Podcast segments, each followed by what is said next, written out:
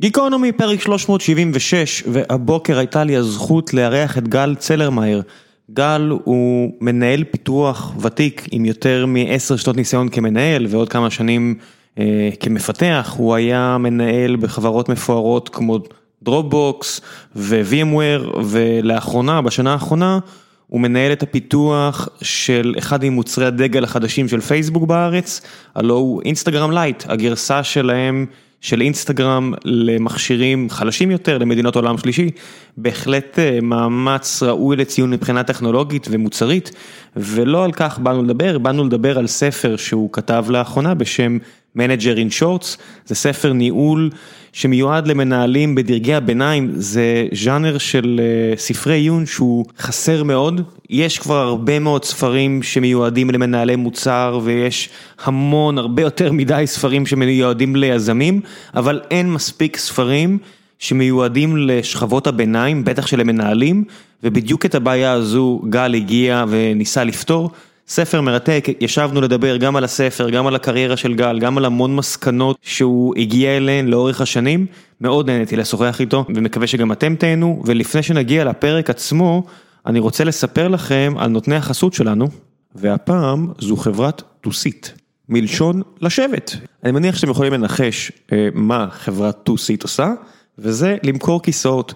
אבל זה לא בדיוק הכיסאות שאתם יכולים למצוא באיקאה או בחנות שנמצאת במורד הרחוב, אלא כיסאות ארגונומיים שמתאימים לאנשים שיושבים הרבה שעות ואנשים שמחפשים ריהוט משרדי ברמה מאוד גבוהה ולא בהכרח במחירים הכי גבוהים.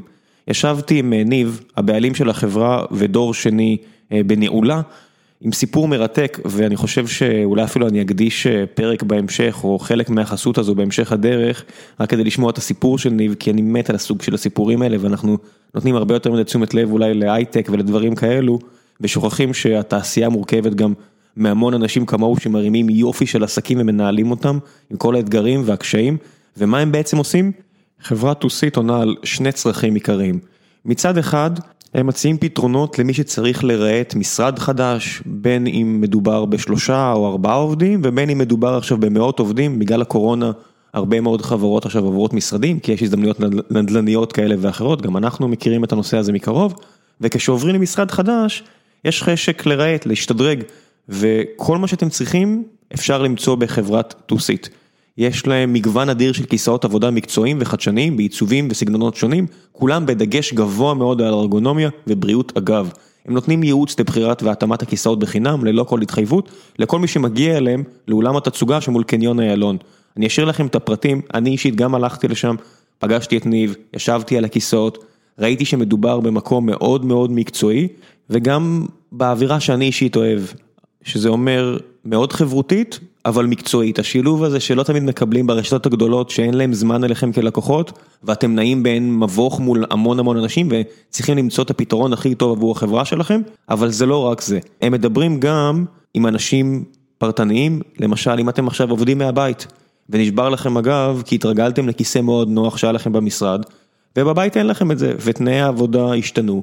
וגם אם יש את החיסון הזה של פייזר אני לא יודע מתי נחזור לעבוד מהמשרדים ולכן אני מאוד ממליץ לכם להגיע לעולם התצוגה או להרים אליהם טלפון או להיכנס לאתר, הכיסאות שתוכלו למצוא שם נעים במגוון מחירים ומגוון איכויות, יש להם תמיכה גם לאנשים במשקל כבד, בתקן של 150 קילו, מה לעשות אם אתם אנשים כבדים אתם יודעים כמה קשה למצוא כיסא מתאים, והדבר הכי טוב בכל הסיפור הזה, שישבתי עם ניב והוא הבין שכדי להביא אתכם וכדי להראות, הוא גם מאזין של גיקונומי וכדי להראות כמה הוא רוצה לפתוח את החנות ולחשוף אותה לעוד אנשים, הוא גם מציע למאזיני גיקונומי אחוז הנחה לכיסא אחד בגובה של 25% ממחיר המחירון.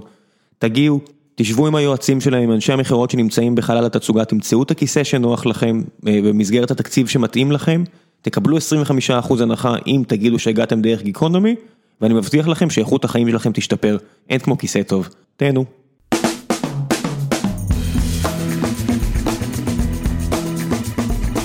גיקונומי פרק 376 והבוקר נמצא עמי גל צלרמייר, גל מנהל פיתוח כבר לפחות 15 שנה, נכון? נראה לי הגזמת, מנהל פיתוח 10 שנים. הגזמת. הגזמת? 15 שנה, 13 וחצי. 100 אחוז הגזמה. כן, 100 אחוז הגזמה, 50 אחוז, בסדר. עשר שנים מנהל פיתוח בחברות כמו דרופבוקס, פייסבוק, VMware, כן. VMware, תאגידי, תאגידי אמריקה מה finest שבהם, אה, לפני כן מפתח בכל מיני חברות נפלאות וסטארט-אפים קטנים, הרבה שנים בתעשייה, ולאחרונה אפילו כתבת ספר על ניהול. כן, כתבתי ספר, נקרא Manager in Shorts, באנג... בעברית, מן הסתם, מנהל במכנסיים קצרים, אבל מפספסים ככה את, ה... את הפאנצ' ליין. כן. אמ, כן. זה, פה. יש בכלל גרסה בעברית? לא, אין גרסה בעברית. יש סיבה שתהיה? אני חושב שכאילו ביקשתי כבר, קיבלתי כבר כמה וכמה בקשות ל... ל... לכתוב את הספר בעברית או לתרגם אותו. אה, אני חושב שמתישהו זה יקרה כנראה כי זה קל. אה, אתה יודע, זה קל לתרגם לעברית, לי לפחות, אה, לצרפתית נגיד זה יהיה לי קשה, צריך לקחת מישהו. אבל אני חושב שזה גם, זה יאבד הרבה מה... כש- כשכתבתי אותו וגם כש... אתה יודע, כשחשבתי על לכתוב אותו, אז, אז המחשבות שלי על ניהול הן רוב הזמן באנגלית. למה הם כאלה? אני חושב שכי אני באמת בעשר שנים האחרונות עובד בחברות אמריקאיות, ו... והמושגים באנגלית, הקונספטים באנגלית, אתה יודע, לך תגיד עכשיו, אה, לך תתרגם עכשיו אג'ייל לעברית, אפשר, כן, אנחנו... אתה לא תעשה את זה, הרי כל הקטע של השפה העברית זה לאפשר לך לעשות דברים כמו לדלבר, בדיוק, ולקנפג, ו... נכון, זה הכוח של השפה. נכון. אמ, אז המחשבה שלי כאילו היא באנגלית, וה...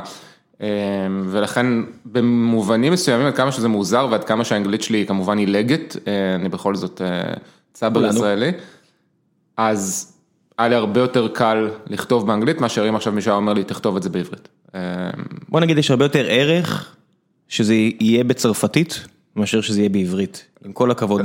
אם אתה מנהל ועם כמה שנים מאמין שזה ענף אחר לגמרי, מבחינת קריירה שגם אתה מאמין בזה, ובטח החברה שבה אתה מועסק כרגע, מאשר אה, להיות IC, מאשר להיות individual contributor, מפתח, איך מעצב. תגיד את זה בעברית? individual contributor. אין לי, אני אפילו באנגלית זה לא הכי אה, זורם בגרון ואצל אנשים, בטח לא, ונגיע גם לזה, אבל הנקודה היא שאם אתה כבר מגיע להיות מנהל תוכנה בארץ, או חומרה, לא שזה כזה, זה כזה שונה, כנראה שיש לך כבר כמה שנים, ואם אתה עדיין צריך שיאכילו אותך בעברית בשלב הזה, כנראה שיש בעיות שהספר הזה לא בשבילך, ותכף נגיע גם למה, אתה מתחיל פה באיזשהו רף די גבוה, בניגוד נגיד ישב פה אה, רן ברזיק, אז הוא, הוא אמר חשוב לי שהספר יהיה בעברית, וזה לגמרי אני מבין, אם אתה ילד בן 12 ואתה רוצה להיכנס לתוכנה ו JavaScript זה אידיאלי כי אף אחד לא באמת יכריח אותך להבין לעומק פוינטרים וכו', אז זה אחלה שזה בעברית, זה באמת יכול להכניס אנשים פנימה. ניהול, אני לא רואה למה. אני מסכים, אבל אני אתן עוד נקודה אחת, אני חושב שיצא לי לשמוע מאנשים, ממנהלים בארץ, אה, בחברות מסוימות, לא חשוב שמות, ש... שהכל שם הוא נורא נורא, זה בדרך כלל חברות כאלה ישראליות גדולות, אה, שהכל שם הוא נורא ישראלי, כלומר כל השיח הוא בעברית, אה, השיח הפנימי, השיח, אין כאילו שיח חיצוני בכלל, אה, כל השיח הפנימי הוא בעברית. והם, זה קצת מוזר להם, כלומר מוזר להם עכשיו לקרוא אה, זה, אבל יכול להיות באמת, אתה יודע, שכאילו, אה, צריך לחשוב מקהל היעד, אה, זאת שאלה. אז, אז לאותן חברות, ואפשר למנות את, אני אעשה, לא אתה, אז אפשר למנות את כל ה-ECIים של העולם, האמדוקסים של העולם, וחברות שעם כל הכבוד, אני יכול לבקר אותם עד מחר, אבל האמדוקס הדפיסה יותר כסף מאשר שאני יודע לכתוב על דף. כן. אז הכל בסדר, אז אני אשמור את הביקורת שלי לעצמי ואת היהירות החסרת מושג הזו. ו... או לאומי שיצא לי להיות איזשהו קדנציה שם, אבל אם אתה לא מכניס אנשים מבחוץ שבדיוק הגיעו מהעולמות האלה, שהם חושבים באנגלית וכו', כנראה שלא יהיה את הקפיצה, והרי מה זה כל התורה שאתה מדבר עליה, אם לא יבוא של קונספטים שהם זרים לגמרי לישראל, אתה יודע, כמו ש-IBM ואינטל וכל החברות שהתחילו פה את ההייטק הישראלי לצד סטארט-אפיסטים עבריים, הם הכניסו לפה דיסציפלינות שלא היו פה, מה לעשות, אנחנו פרובינציה ואיך חושבים כפרובינציה, והתפיסות שלנו הן צבאיות, אז היררכיה וניהול זה פיקוד, כאילו, ואז מגיעים החבר'ה מפייסבוק וגוגל ומביאים דברים שהם חידושים. הם חידושים אגב לא רק לפה, אה, מסתבר שהם חידושים גם לעולם. אה, כלומר, יש גם המון חברות בארצות הברית שהן לא עובדות כמו פייסבוק וגוגל, אז הם אמנם כנראה הם לא, אין להם את המנטליות הצבאית פיקודית אה, שאתה מדבר עליה, ואפילו לא, אתה יודע, לא מנטליות כזה של סטארט-אפ ישראלי, אבל, אבל הם בטח אין להם את ה... את התרבות של פייסבוק, או את התרבות של גוגל, או את התרבות של, לא יודע מה, דרופבוקס. עם כל הכבוד יש סיבה, שגוגל ופייסבוק תוך 20 שנה נהיו חברות של כמעט טריליון דולר, ורולניק יכול להגיד עד מחר שזה מונופוליזם ולוביזם ומלא מילים של איזם, אבל זה תרבוטיזם. בסוף, זאת אומרת, אנשים לא מבינים שכל הקטע הזה של פינוק עובדים, שעם כל הכבוד זה קצת יצא מכל החורים, ותרבות ה cupcakes וכאלה, אבל עם כל הכבוד זה משהו שגוגל המציאה.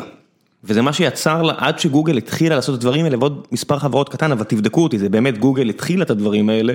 מפתחים היו משהו שהוא לא מכובד במיוחד, אנשים הלכו לשם כי יש להם ראש מאוד אנליטי, ועם כל הכבוד הגיעו בעיקר אנשים שהם או על הרצף, או אנשים שלא מצאו, אה, אתה יודע, אין מה לעשות, ככה זה. Mm-hmm. אני לא הולך להתייפייף, וברגע שפינקו והעלו משכורות והתחילו את הפינוקים, הגיעו אנשים חזקים יותר, והתרבות חזקה. זה שהם שמו את המפתחים in the front, ואז התחילו לשפר אותה עם התרבות שלהם, יצרה חברה, חברה מטורפת מבחינת התוצאות שלה. ואני חושב שהנקודה היא, היא, כלומר העניין הזה של ה cupcakes, ואתה יודע, ותן ביס בעולמנו, אני חושב שזה, זה כאילו ה...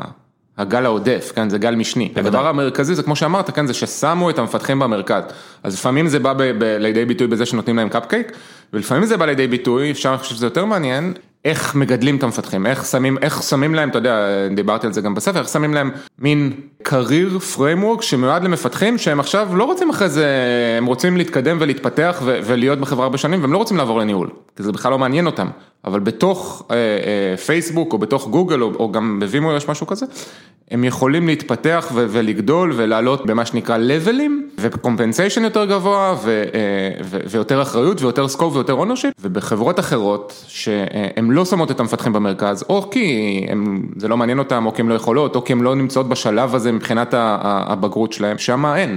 זה זכויות וחובות, הרי העניין הזה של הקאפקייק, אם, אם ניקח אותו נמתח קו אחורה, מי שהתחיל אותו זה הנרי פורד, שהראשון שהכפיל שכר לאנשים, ובעצם מתייחס לאנשים בכבוד יחסית עם כל המגרעות של האיש, אבל הוא העיף את החברה שלו קדימה, כולם שיודע, אבל הוא, הוא אשכרה שכר אנשים כדי שילכו לבתים ויראו שהם מתנהלים כמו משפחות וכל השטויות שהוא עשה שם, אבל הוא גם הכפיל להם את השכר, ואנשים רצו לעבוד שם. אבל זה רק היה הצד של הזכות, הוא לא ציפה מהם ליותר, הוא רק ציפה שאנשים יגיעו וירצו לעבוד בפסי הייצור והם היו פועלים, המקדונלדס ווי. ההבדל הוא של, של הגוגל ושל הפייסבוק שהם מצד אחד מביאים לך הרבה, מצד שני הם גם דורשים המון. ומה שמעניין זה שהדרישה היא לאו דווקא ב, אה, אתה יודע, בהקרבה של ה-work-life balance או בזה שתעבוד עכשיו 80 שעות. להפך. הדרישה היא, א', שתהיה ממש ממש ממש טוב, חזק, מומחה בתחומך, וב' אני חושב שאתה יודע, במילה אחת, קצת לא פייר, אבל במילה אחת, זה לקחת ownership. כלומר, לקחת ownership, להראות accountability על הדברים שלך. כלומר, למה זה לא פייר? זה לא פייר? למה זה לא פייר? לא, זה, זה פייר מבחינת, זה, אני חושב שהן מבקשות פשוט עוד הרבה דברים שכרגע לא אמרתי, אבל, אבל אולי במילה אחת, מה שכן, אז, אז, אז זה ownership, זה, זה, זה סבבה, זה הכל גלוי, זה כאילו חוזה שהוא לגיטימי לגמרי מבחינת, זה לא מתאים לכולם. כלומר זה לא מתאים לכולם, יש מפתחים שרוצים, מעדיפים, אתה יודע, תן להם את הקובייה שלהם בתוך הטאסק, הם יהיו אולי אפילו אקסקיוטרים סבבה, כמה מילים באנגלית אנחנו מכניסים פה בלי לשים לב, אני עכשיו נורא מודע לזה, והם לא רוצים יותר מזה, כן, הם לא רוצים לחשוב על מה זה יעשה למוצר, מה זה יעשה ללקוח, מה יהיה האימפקט של זה. בשפה הפייסבוקי, האם זה מוביל בסוף לכישלון או, או, או, או להצלחה, האם זה טוב ליוזרים, זה רע ליוזרים, הם רק רוצים תן לי את השורות קוד שלי לכתוב. אז אני אגיד לך, אני כבר אצלול לספר שלך, כי לא רק שקראתי אותו, אה, גם אה, ביקשתי נורא יפה ובאסרטיביות מהרבה אנשים פה אה, לקרוא, כמו שאני עושה עם כל מיני ספרים שמוצאים חן בעיניי. גם אם אני לא עושה פרקטית את מה שאתה אומר, זה תמיד טוב לי להשכיל וללמוד, והרבה מהדברים שכתבת וציינת בספר צלצלו לי טוב, ואחד הדברים, ותכף נגיע לדבר שהכי אהבתי, אבל אחד מהדברים שהיה חסר לי שם, זה ה trade-off, מאוד מרגישים. את החברות שעבדת בהן. אתה יודע מה אני מתכוון? כן. זאת אומרת, זו ביקורת שהפנו? אה, עוד לא הפנו אותה ככה, אני לא חושב שלמישהו היה אומר, סתם, אה, עוד לא הפנו אותה ככה, אבל אני מודע לזה, כלומר אני מודע לזה בעצמי, כן, זה לא איזה blind spot, אני, כמו שאמרתי קודם, עשר שנים אה, אני כבר עובד בחברות שאתה יודע, שהבסיס שלהם הוא ב... אימפריות. בוא נשים דברים על השולחן. כן, הם אימפריות, אבל הם אימפריות גם, יש אימפריות... הם אימפריות בעלייה, הם לא אימפריות בירידה. נכון. אני אדייק אפילו עוד יותר, כן. כדי להוציא את ה... ואל תעלבו חבר'ה ב-IBM, את כל ה-IBMיות של העולם שמעט מנבאים את מותם כבר עשרות שנים, אבל הם אימפריות בעלייה ולא אימפריות בירידה. הם אימפריות בעלייה, הם אימפריות שאתה יודע שהבסיס שלהם הוא בקליפורניה, כן, הם ב... יש משהו כזה במערב ארצות הברית חברות שהן מצד אחד נפלאות וכולי, אבל הן גם מאוד מאוהבות בעצמן, צריך כאילו להגיד את זה בסדר, יש להם סיבה. אני מודע לזה ש... לא יודע אם רוב העולם, אבל כנראה רוב העולם הוא לא כזה. ו- ולגמרי יש trade off בין אה, היכולת שלך לקחת ולשים את המפתח במרכז, ולחשוב תרבות, ולהשקיע ב coaching ו mentoring והמון המון דברים, ולתת גם למפתחים. את, הד... מה שדיבר... את הדרישה הזאת, כן, את המחויבות. זה לא מפתחים, למנהלים. למנהלים. מה שאתה, מה שאתה מבקש שם ממנהל, רוב המנהלים שיקראו את הספר הזה, ואני אגיד לך, הקלטתי פה פרק לפני כמה חודשים עם אה, יונתן נמרודי, שהוא אחד המובילים בפייסבוק ישראל, עושה את ה-B2B אה, אצל עדי, לא בחבר'ה שלכם, בצד השני של העיר. קיבלנו מלא מכתבים והודעות בגלל הפרק הזה, ואחד מהאנשים, לא אציין שמות מן הסתם, רשם, תקשיב, פיצצתם לי את הראש, הבנתי שאני לא יכול להמשיך להיות איפה שאני, משלל סיבות שהוא ציין דברים שאמרנו. עבדתי לעבוד בחברה אחרת, באחד מהחברות שאנחנו מדברים עליהן עכשיו. ויש הרבה מנהלים שיקראו, ישמעו את הספר שלך ויגידו, וואו, אין שום סיכוי שבמקום שאני נמצא בו עכשיו אני יכול לעבוד בצורה שגל אמר שאני צריך לעבוד. אז אני אספר לך יותר מזה, אפילו אנשים לצורך העניין בתוך פייסבוק, שקראו את הספר, מנהלים, לא נזכיר שמות. אבל כן, אני מדבר עליך. אה, באו ואמרו לי, תקשיב, אנחנו, אי אפשר לעשות את זה. אה, חלק מהדברים שכתבת שם, אי אפשר לעשות. כן, אני לא יכול לעשות, אה, נתתי שם איזה דוגמה בפרק על one on one, פגישות אחד על אחד עם, עם, של מנהלים מפתח, מפתחת, שאמרתי שזה הדבר, כלומר, זה, חוץ מזה שזה ה tool מספר אחד, אסור לוותר על זה. ציינת שמנהלת אין דבר כזה שהיא לא תדבר עם המפתחים שלה לפחות פעם בשבוע, ואם היא מנהלת של מנהלות אחרות, אז היא תעשה skip meetings, שזה אומר, היא תדבר לפחות פעם בחודש עם האנשים שנמצאים level אחד מתחתיה. נכון. וזה בעצם אומר, מי שעושה את החישוב המהיר, אומר, אוקיי, אני בא לתשע, עשר שעות, כי יותר מזה אולי אני לא אפקטיבי וזה מטופש, ויש לי נגיד 30 אנשים כסקיפ ממני, ושישה, שבעה, שמונה ישירים אליי, אנחנו מדברים פה על יום עבודה פלוס מתגלגל עוד יום, זאת אומרת 40 אחוז מהזמן שלי, פגישות אחד על אחד, על מה, על מה לכל הרוחות יש לי לדבר איתם, תשאל המנהלת שלא רגילה לאופי הזה. ויותר מזה, אמרו לי תקשיב, כאילו עשו לי על זה, נגיד זה פידבק שקיבלתי נורא נורא חזק, אפילו, אני אומר לך, מאנשים בתוך פייסבוק שאתה אומר כאילו חברה שהיא פריבילגית לעניינים האלה וכולי, אמ, האם זה יעיל, האם זה כדאי, האם זה טוב, עכשיו אני אישית אה, חושב שכן, ואני גם מנסה כאילו, אתה יודע, אה, לא שאני תמיד מצליח, כן, ועכשיו המפתחים שלי שומעים את זה ואומרים, רגע, אבל פספסת, פספסת איתי וואן וואן עכשיו, זה קורה מן הסתם, אבל אני חושב שזה מאוד מאוד חשוב, ולשאלתך, אם אין לי עליהם, אם אין על מה לדבר, אז אנחנו מסיימים אחרי רבע שעה, אבל, אה, אבל רבע שעה של אה, מה קורה, מה נשמע, איך אתה מרגיש, מה עשית בסוף שבוע, מה, איך היה השבוע הקודם? היה סבבה? איך נראה לך השבוע הזה? משהו מלחיץ, הכל טוב? וגם, יותר מזה, זה, פח, זה, זה לא רק שזה חשוב בעיניי מאוד למפתחים, זה חשוב למנהל. אה, לא בשביל לקבל סטטוס, אני תמיד אומר אה, שוואן און וואן זה לא פגישת סטטוס. לפעמים אפשר לצאת מזה, כלומר אפשר להתחיל בסטטוס כדי להבין מה קורה וכולי, אבל המנהל צריך למצוא דרכים אחרות כדי להבין מה הסטטוס ומה קורה, לא בשביל זה. כמי שעובד מאוד remote, אני אגיד, אם אין לך את הסטטוס בשלב הזה, הבעיה היא לא שם. לגמרי. הבעיה היא במקום אחר. נכון. אמ, וכשאנחנו עכשיו עובדים remote ואנחנו, זה לא מה שאנחנו רגילים אליו, זה מאוד קשה, צריך למצוא דרכים אחרות למצוא, לקבל את הסטטוס, זה, זה קשה, כי אתה, אתה כבר לא נמצא ב open space, נכון? אז אתה לא שומע כל הזמן מה קורה, צריך למצוא את הדרכים האלה, אבל one on one לא נועד בשביל זה. one on one הוא נועד בשביל, בשביל המפתחים שאין להם כזה uh, safe space, שהם ידעו ששם הם יכולים להגיד כל מה שהם רוצים. מרוצים, לא מרוצים, טוב להם, רע להם, אה, את זה צריך לשפר, את זה צריך לעשות אחרת. ובשביל המנהל, כדי לחייב אותו, לתת פידבק ורקוגנישן. ולקבל. ולקבל, זה חלק space, כלומר שם הוא חייב ליצור איזשהו אה, אה, trust zone, ואני גיליתי אגב, אני עכשיו, כשהתחלתי בפייסבוק, התחלתי לפני שמונה חודשים, בעצם התחלתי מהבית. כלומר הייתי במשרד שעתיים, לקחתי את הלפטופ, טסתי לבוטקאמפ כזה בלונדון. כל הדברים הכיפים נאבדו. כל, בדיוק, וחזרתי באמצע בגלל שהתחילה הקורונה, לבידוד ביתי, ומאז אני בבית ובעצם כאילו לא ראיתי... לא ראית קפיטריה. לא ראיתי קפיטריה, לא ראיתי... אה, אה, לא ראית את הנוף מהקומה פה בשרונה, ב-22, לא יודע איפה אתם. כן, אז ראיתי, אבל אתה יודע, בסיטואציות אחרות, אבל לא יצא לי לעבוד עם החבר'ה כאילו ב open space ולהרגיש אותם בסיטואציה הזאת. אה, ולמען האמת זה מאוד מאוד הקשה עליי לבנות איתם את ה... את ה, את ה את ה space הזה, את ה trust zone שאמור להיות בין למפתח, כלומר, זה לוקח יותר זמן, אה, זה דורש הרבה יותר. בוא נשים דברים על השולחן, מילה אחת, אמון. אנשים צריכים להרגיש שיש להם אמון כלפיך, אבל אמיתי, שאם יש להם משחרר קיטור, הדבר הכי גרוע שקורה, זה שאי אפשר לדבר עם המנהל, ואז הקיטור מצטבר בחלקים האחרים, אה, אני בכוונה לא משתמש למעלה למטה, אבל בחלקים אחרים של הספינה, ועלול להיווצר פיצוץ. אני מסתכל על זה ממש, והנה הביקורת שלי. בסט הערכים, ויש לנו, אני מאוד מאוד מתחבר לערכים, יש לי סט ערכים אה, שריי דליו היה אומר, אחי, הגזמת, וממש מפורט, פרטי פרטים, קשה להכניס את זה, אבל אני מאוד רוצה לעשות את זה ועובד על זה, מנסה, ובסופו של דבר הערך העליון הוא בחברות שהן לא כמו פייסבוק, זה לך תנצח. וזה ההבדל מבחינתי, זאת אומרת, אני אומר, אם יש לך סיבה מספיק טובה לבטל את הוואן און וואנים, כי הניצחון מכתיב את זה, תעשה הכל. אני, אני... זאת אומרת, בפייסבוק, הארגון כל כך טוב, כל כך חזק, שהוא לא צריך אותך בכל רגע נתון שתחשוב על ניצחון, כשאתה חברה של 30 בטח, 90 פחות, אבל עדיין, אני חייב שכולם יהיו מחוילים על הדבר הזה, תמיד, ואם הם סוטים מהערכים, ש-one on one זה ערך גבוה בעיניי, כי זה לבניית אמון והכל, אבל אם הם סוטים ימינה שמאלה, לפחות שיסבירו לי את הרציונל, אבל אני מוכן להשתכנע. אני, אני אגיד לך את הנקודות שאני מסכים איתך ואת הנקודות שלא. א', גם בפייסבוק, פייסבוק עצמה כחברה, אה, אני חושב שהניצחון הוא ערך אה, מאוד חשוב, כלומר יש את ה-value הזה של focus on impact, אה, איפה שאתה לא מסתכל, כלומר היום אין קירות, כן, כי אין משרדים, אבל באיזה באג שאתה לא מסתכל אז אתה תראה את הדבר הזה וככה גם מנהלים ומפתחים נמדדים וכולי. אני גם לא חושב שוואן און וואן הוא ערך, אני חושב שוואן און וואן הוא tool.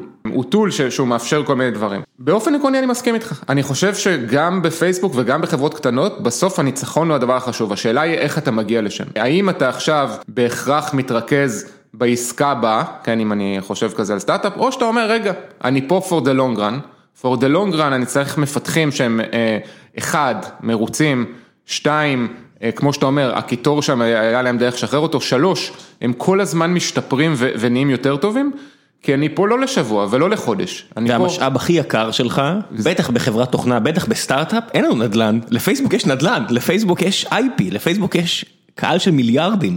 בסטארט-אפ, הדבר הכי חשוב שיש לך, והצורה הכי נמוכה של אקזיט, בסופו של דבר, היא על הבני אדם שלך. נכון. זאת אומרת, אם אתה מצליח, תחת אי כישלון נקרא לזה, אז ההצלחה הכי נמוכה, זה הצלחה רק על האנשים, אחרי זה זה אנשים פלוס מוצר, אחרי זה זה אנשים פלוס מוצר פלוס הכנסות. אבל בלי אנשים, אין לך כלום. וכמה זמן אתה משקיע בגיוס? כלומר, בגיוס... אתה שואל אותי? כן. מבחינתי זה קדוש. זה קדוש. זה העבודה שלי. עכשיו, זה כבר, אני חושב, איזשהו משהו שאנשים, אתה יודע, ברחבי עולם ההייטק כבר מבינים, משקיעים המון המון בגיוס, נכון? לא מוכנים, כלומר, זה לא שאין חברות שעושות פשרות וכולי, אבל בגדול מוכנים להשקיע בזה הרבה זמן, כי מבינים שזה המשאב הכי חשוב. אבל אם משקיעים כל כך הרבה זמן בגיוס, וזה המשאב, אז למה לא משקיעים כל כך הרבה זמן בשימור? ושיפור. ושיפור. בוודאי. אז, אז, כן, אז... אחת הפריבילגיות הכי גדולות של פייסבוק, שאני הכי מקנא בהם, זה היכולת להביא ג'וניורים ופרש גרדס. א' כל זה מאפשר לך להביא אה, הרבה יותר diversity, mm-hmm. גיוון אתני, מגדרי, הכל, אני שם את זה על השולחן. אתה מגיע לפייסבוק, אתה מגיע לגוגל, זה קנאה כמה שהמקומות האלה מגוונים, ולא שאני לא נותן לעצמי תירוצים, למה אצלנו לא, ואצלנו באמת לא מספיק, אבל העובדה שאתה יכול לקחת מכל השכבות, אתה לא חייב כאלה שמתאימים יותר ל, לריבוע שבדיוק שאתה מחפש, ואז אתה משפר אותם, זה, זה מדהים בעיניי, mm-hmm. ואז אתה חייב לעשות מה שאתה עושה. נכון. וגם, וב diversity, שוב, חלק מזה זה, זה על ידי הגיוס, שאתה, שוב, אתה, ברור שיש פה את הפריבילגיה, וחלק מזה זה על ידי השקעה ongoing, כן, ללמד את האנשים להיות, אתה יודע, אינקלוסיב. ו-diverse perspective וכולי וכולי, זה זה דברים שלוקחים זמן. ולנתח ולמצוא למה למשל, אם נשים אצלך לא מצליחות, אז למה לא מצליחות? זאת אומרת, מה בתרבות, מה באיך שהחברה מתנהלת, לא מתאים לנשים, למבוגרים, לערבים, ללא יודע מה, כל אחד וה... או לשחורים, שזה, אתה יודע, אתה מסתכל על חברות ו... אז זה בעיניך משהו שהוא, אה, אתה יודע, אני נורא קל לי להתחיל לשאול אותך שאלות, אני רגיל לזה כן, מהצד כן. הזה, זה בעיניך משהו שהוא פריבילגיה או עניין של לא, פוקוס? לא, זה ערך עליון, אני שואף לשם, אבל בסוף אני חייב לעשות trade off ים כל הזמן לחשוב, ואני צריך את החבר'ה שלי שיחשבו איתי, אני צריך שהם יהיו minded לשיקולים שלי, כדי שהם ידעו לתת לי בראש ולהגיד לי, אתה מגזים פה עם ה quick and dirty, כי בנינו פה MVP חרבנה שהולך לנשוך אותנו בטוסיק. ואני מרשה להם חמש פעמים להגיד אמרתי לך לפני שאני ממש אה, כבר מתבאס עליהם. הם אומרים לי בערך שבע, שמונה, אבל אה, כן, בשביל זה אני צריך אותם, בשביל זה אני צריך שהם יהיו minded על ניצחון ולא רק על הצוות שלהם, אלא יחשבו מעבר, כי אין פה מספיק checks and balances. אין פה מספיק ביקורת עליי אפילו. כן. השותפים שלי לא באמת יודעים מה הולך בתוך ה product organization, אני צריך שה... החבר'ה שלי יביאו לי בראש. הם נותנים לך בראש? המון, המון המון המון, אבל זה טוב, כי אני, ותכף נגיע לדבר הכי מעניין בספר שלך בעיניי, החלוקה בין impostor syndrome ל Dunning Kruger effect, שזה מדהים בעיניי, לא, לא שמעתי את זה עד עכשיו, זה שלך? לא בטוח, אני חושב ש... כלומר, אני יכול להיות שה framing שיש שם אה, זה שלי, אבל בטוח קראתי על זה איפשהו. אה, תסביר לפני שממשיכים. כן, אז impostor syndrome, אני חושב שזה כבר משהו שהוא יחסית, אה, לפחות במחוזותינו, זה כזה תופעה מוכרת בעולם של הייטק, זה נקראת בעברית תסמונת המתחזה, והיא אומרת בעצם שאנשים מגיעים, זה חזק מאוד בהייטק, אבל, אבל לאו דווקא, שאנשים...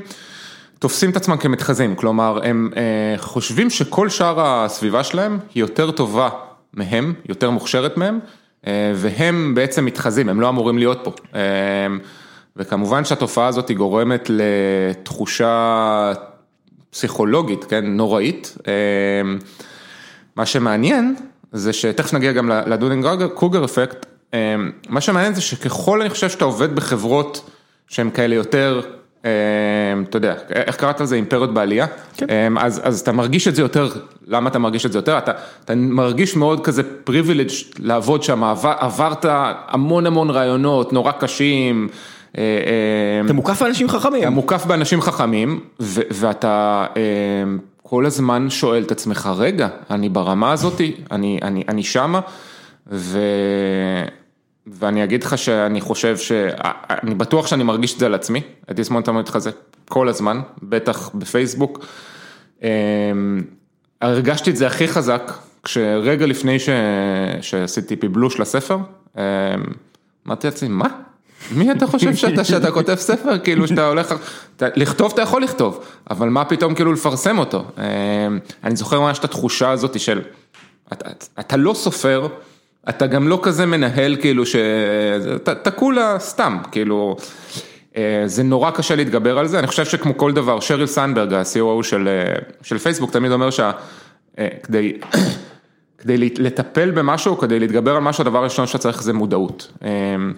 אני חושב שדבר ראשון אתה צריך לדעת ש, שאתה סובל מתסמונת המתחזה, כדי, כדי להתגבר על זה, ואחרי זה אתה צריך להבין שבעצם הרבה אנשים לא יודעים המון דברים, לא רק אתה. כן, בגלל זה, אני תמיד, היה לי בעיה עם תסמונת המתחזה, כי היא נורא פשטנית. זאת אומרת, אתה לא יודע מתי, כבר זה לא להתחזה, להתחזות, מתי כן, מתי לא, ואז עשית איזשהו שחלוף, העברת את זה, עשית ממש התמרת פורייה מעניינת, והעברת את זה לספקטרום הרבה יותר רלוונטי, לאפקט אחר פסיכולוגי שהוא... ה Kruger Dunning effect אה, הוא הוא, הוא גם תופעה מאוד מעניינת ששם זו תופעה שהיא כמעט הפוכה ל impostor syndrome, אנשים שהם הם חושבים שהם יודעים יותר ממה שהם יודעים. תציירו U כזה, מעין U בראש, האות U, האמריק, האות U אנגלית, מתחיל למעלה, בציר, בראשית הצירים מתחיל למעלה וזה אומר ש... אז זה אומר שאני, בלבלת אותי אם היו, כן, אבל... תדמיין, אתה יודע, שבהתחלה אנשים שאין להם מושג אה, בטוחים שהם יודעים, בדיוק, ואז זה יורד, ככל שהם יודעים יותר הם מבינים כמה הם לא יודעים, נכון, ואז ככל שהם כבר יודעים עוד, הם כבר מגיעים למקום שהם גם יודעים מה הם יודעים או לא יודעים, וגם יודעים להגיד את זה על אחרים. בדיוק, עכשיו תחשבו על עצמכם, אה, אה, הייתם, לא יודע מה, למדתם מדעי המחשב בתיכון. כן, אה, ואתם בטוחים שאתם כאילו סופר סופר סופר יודעים, אתם יודעים הכל כבר, כאילו אה, אי אפשר להתקיל אתכם. עכשיו, הגעתם לאוניברסיטה, כן, והיה שם פרופסור, עכשיו הפרופסור של, של המדעי המחשב, הוא באמת כבר, אה, זה, הוא, הוא אפילו... הוא יודע שיש דברים שהוא לא יודע, אתם עוד לא יודעים שיש דברים שעוד לא למדתם בכלל, כן, שהם קיימים, אתם לא יודעים, אתם בטוחים שאתם, זה אתם סובלים מה Kruger Dunning effect, והוא סביר מאוד להניח שהוא, שהוא סובל מה impostor syndrome בגלל שהוא יודע שיש, אה, אה, אה, שהוא לא היה בתעשייה אולי כבר כמה שנים, או שיש פרופסורים בקרנגי מלו שהם עושים כל מיני מחקרים שעוד לא יצא להם לקרוא.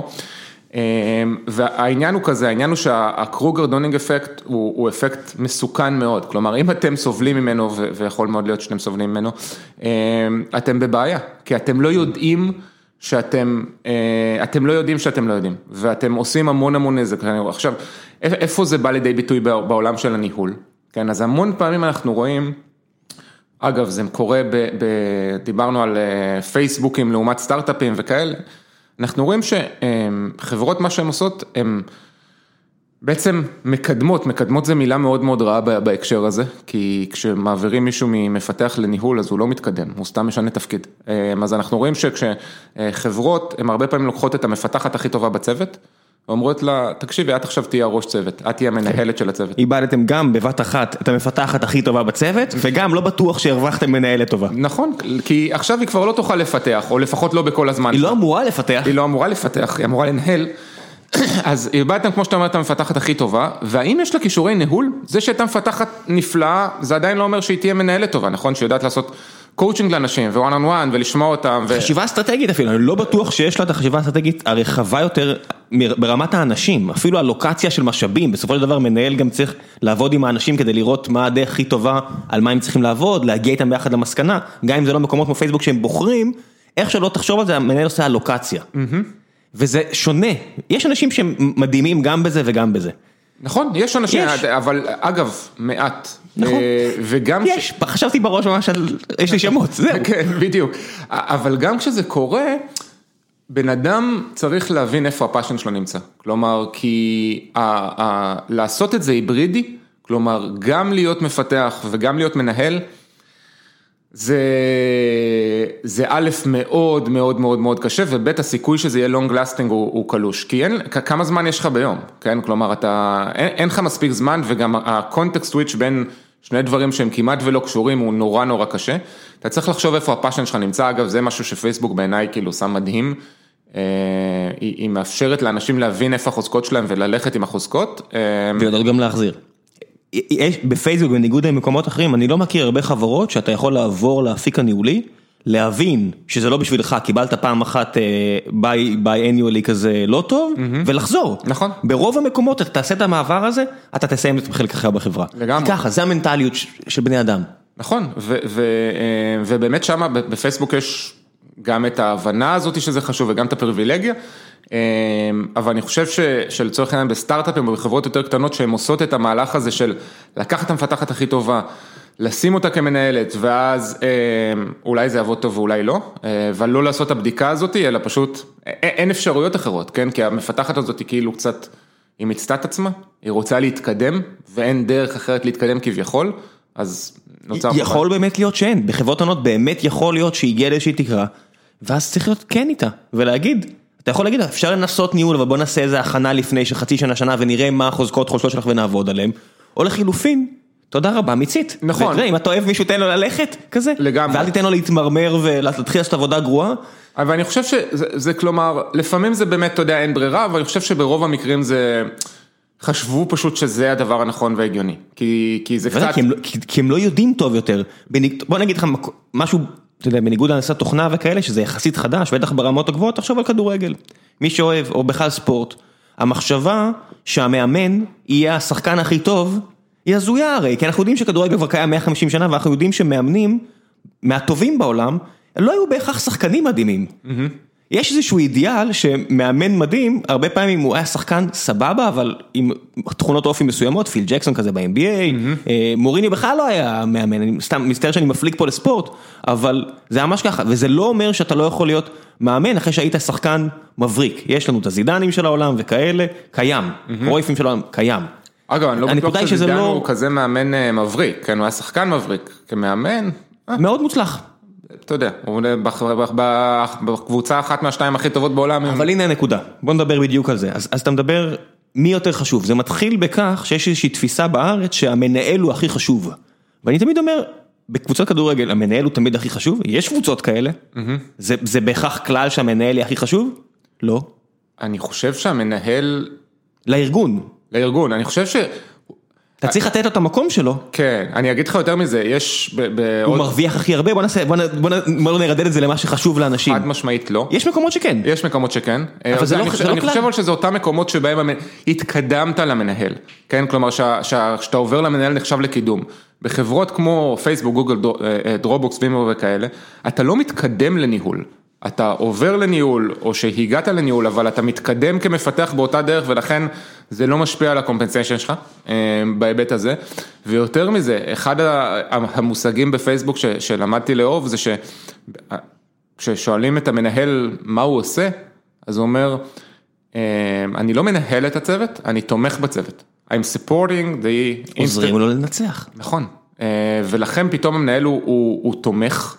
הוא בכלל לא הדבר הכי חשוב בצוות, מי שחשוב זה הצוות, וזה בעיניי משהו מאוד מאוד נכון. המנהל תומך, הוא עוזר לאנשים להתפתח, להתקדם, לקבל החלטות, אבל הוא ממש לא הדבר הכי חשוב.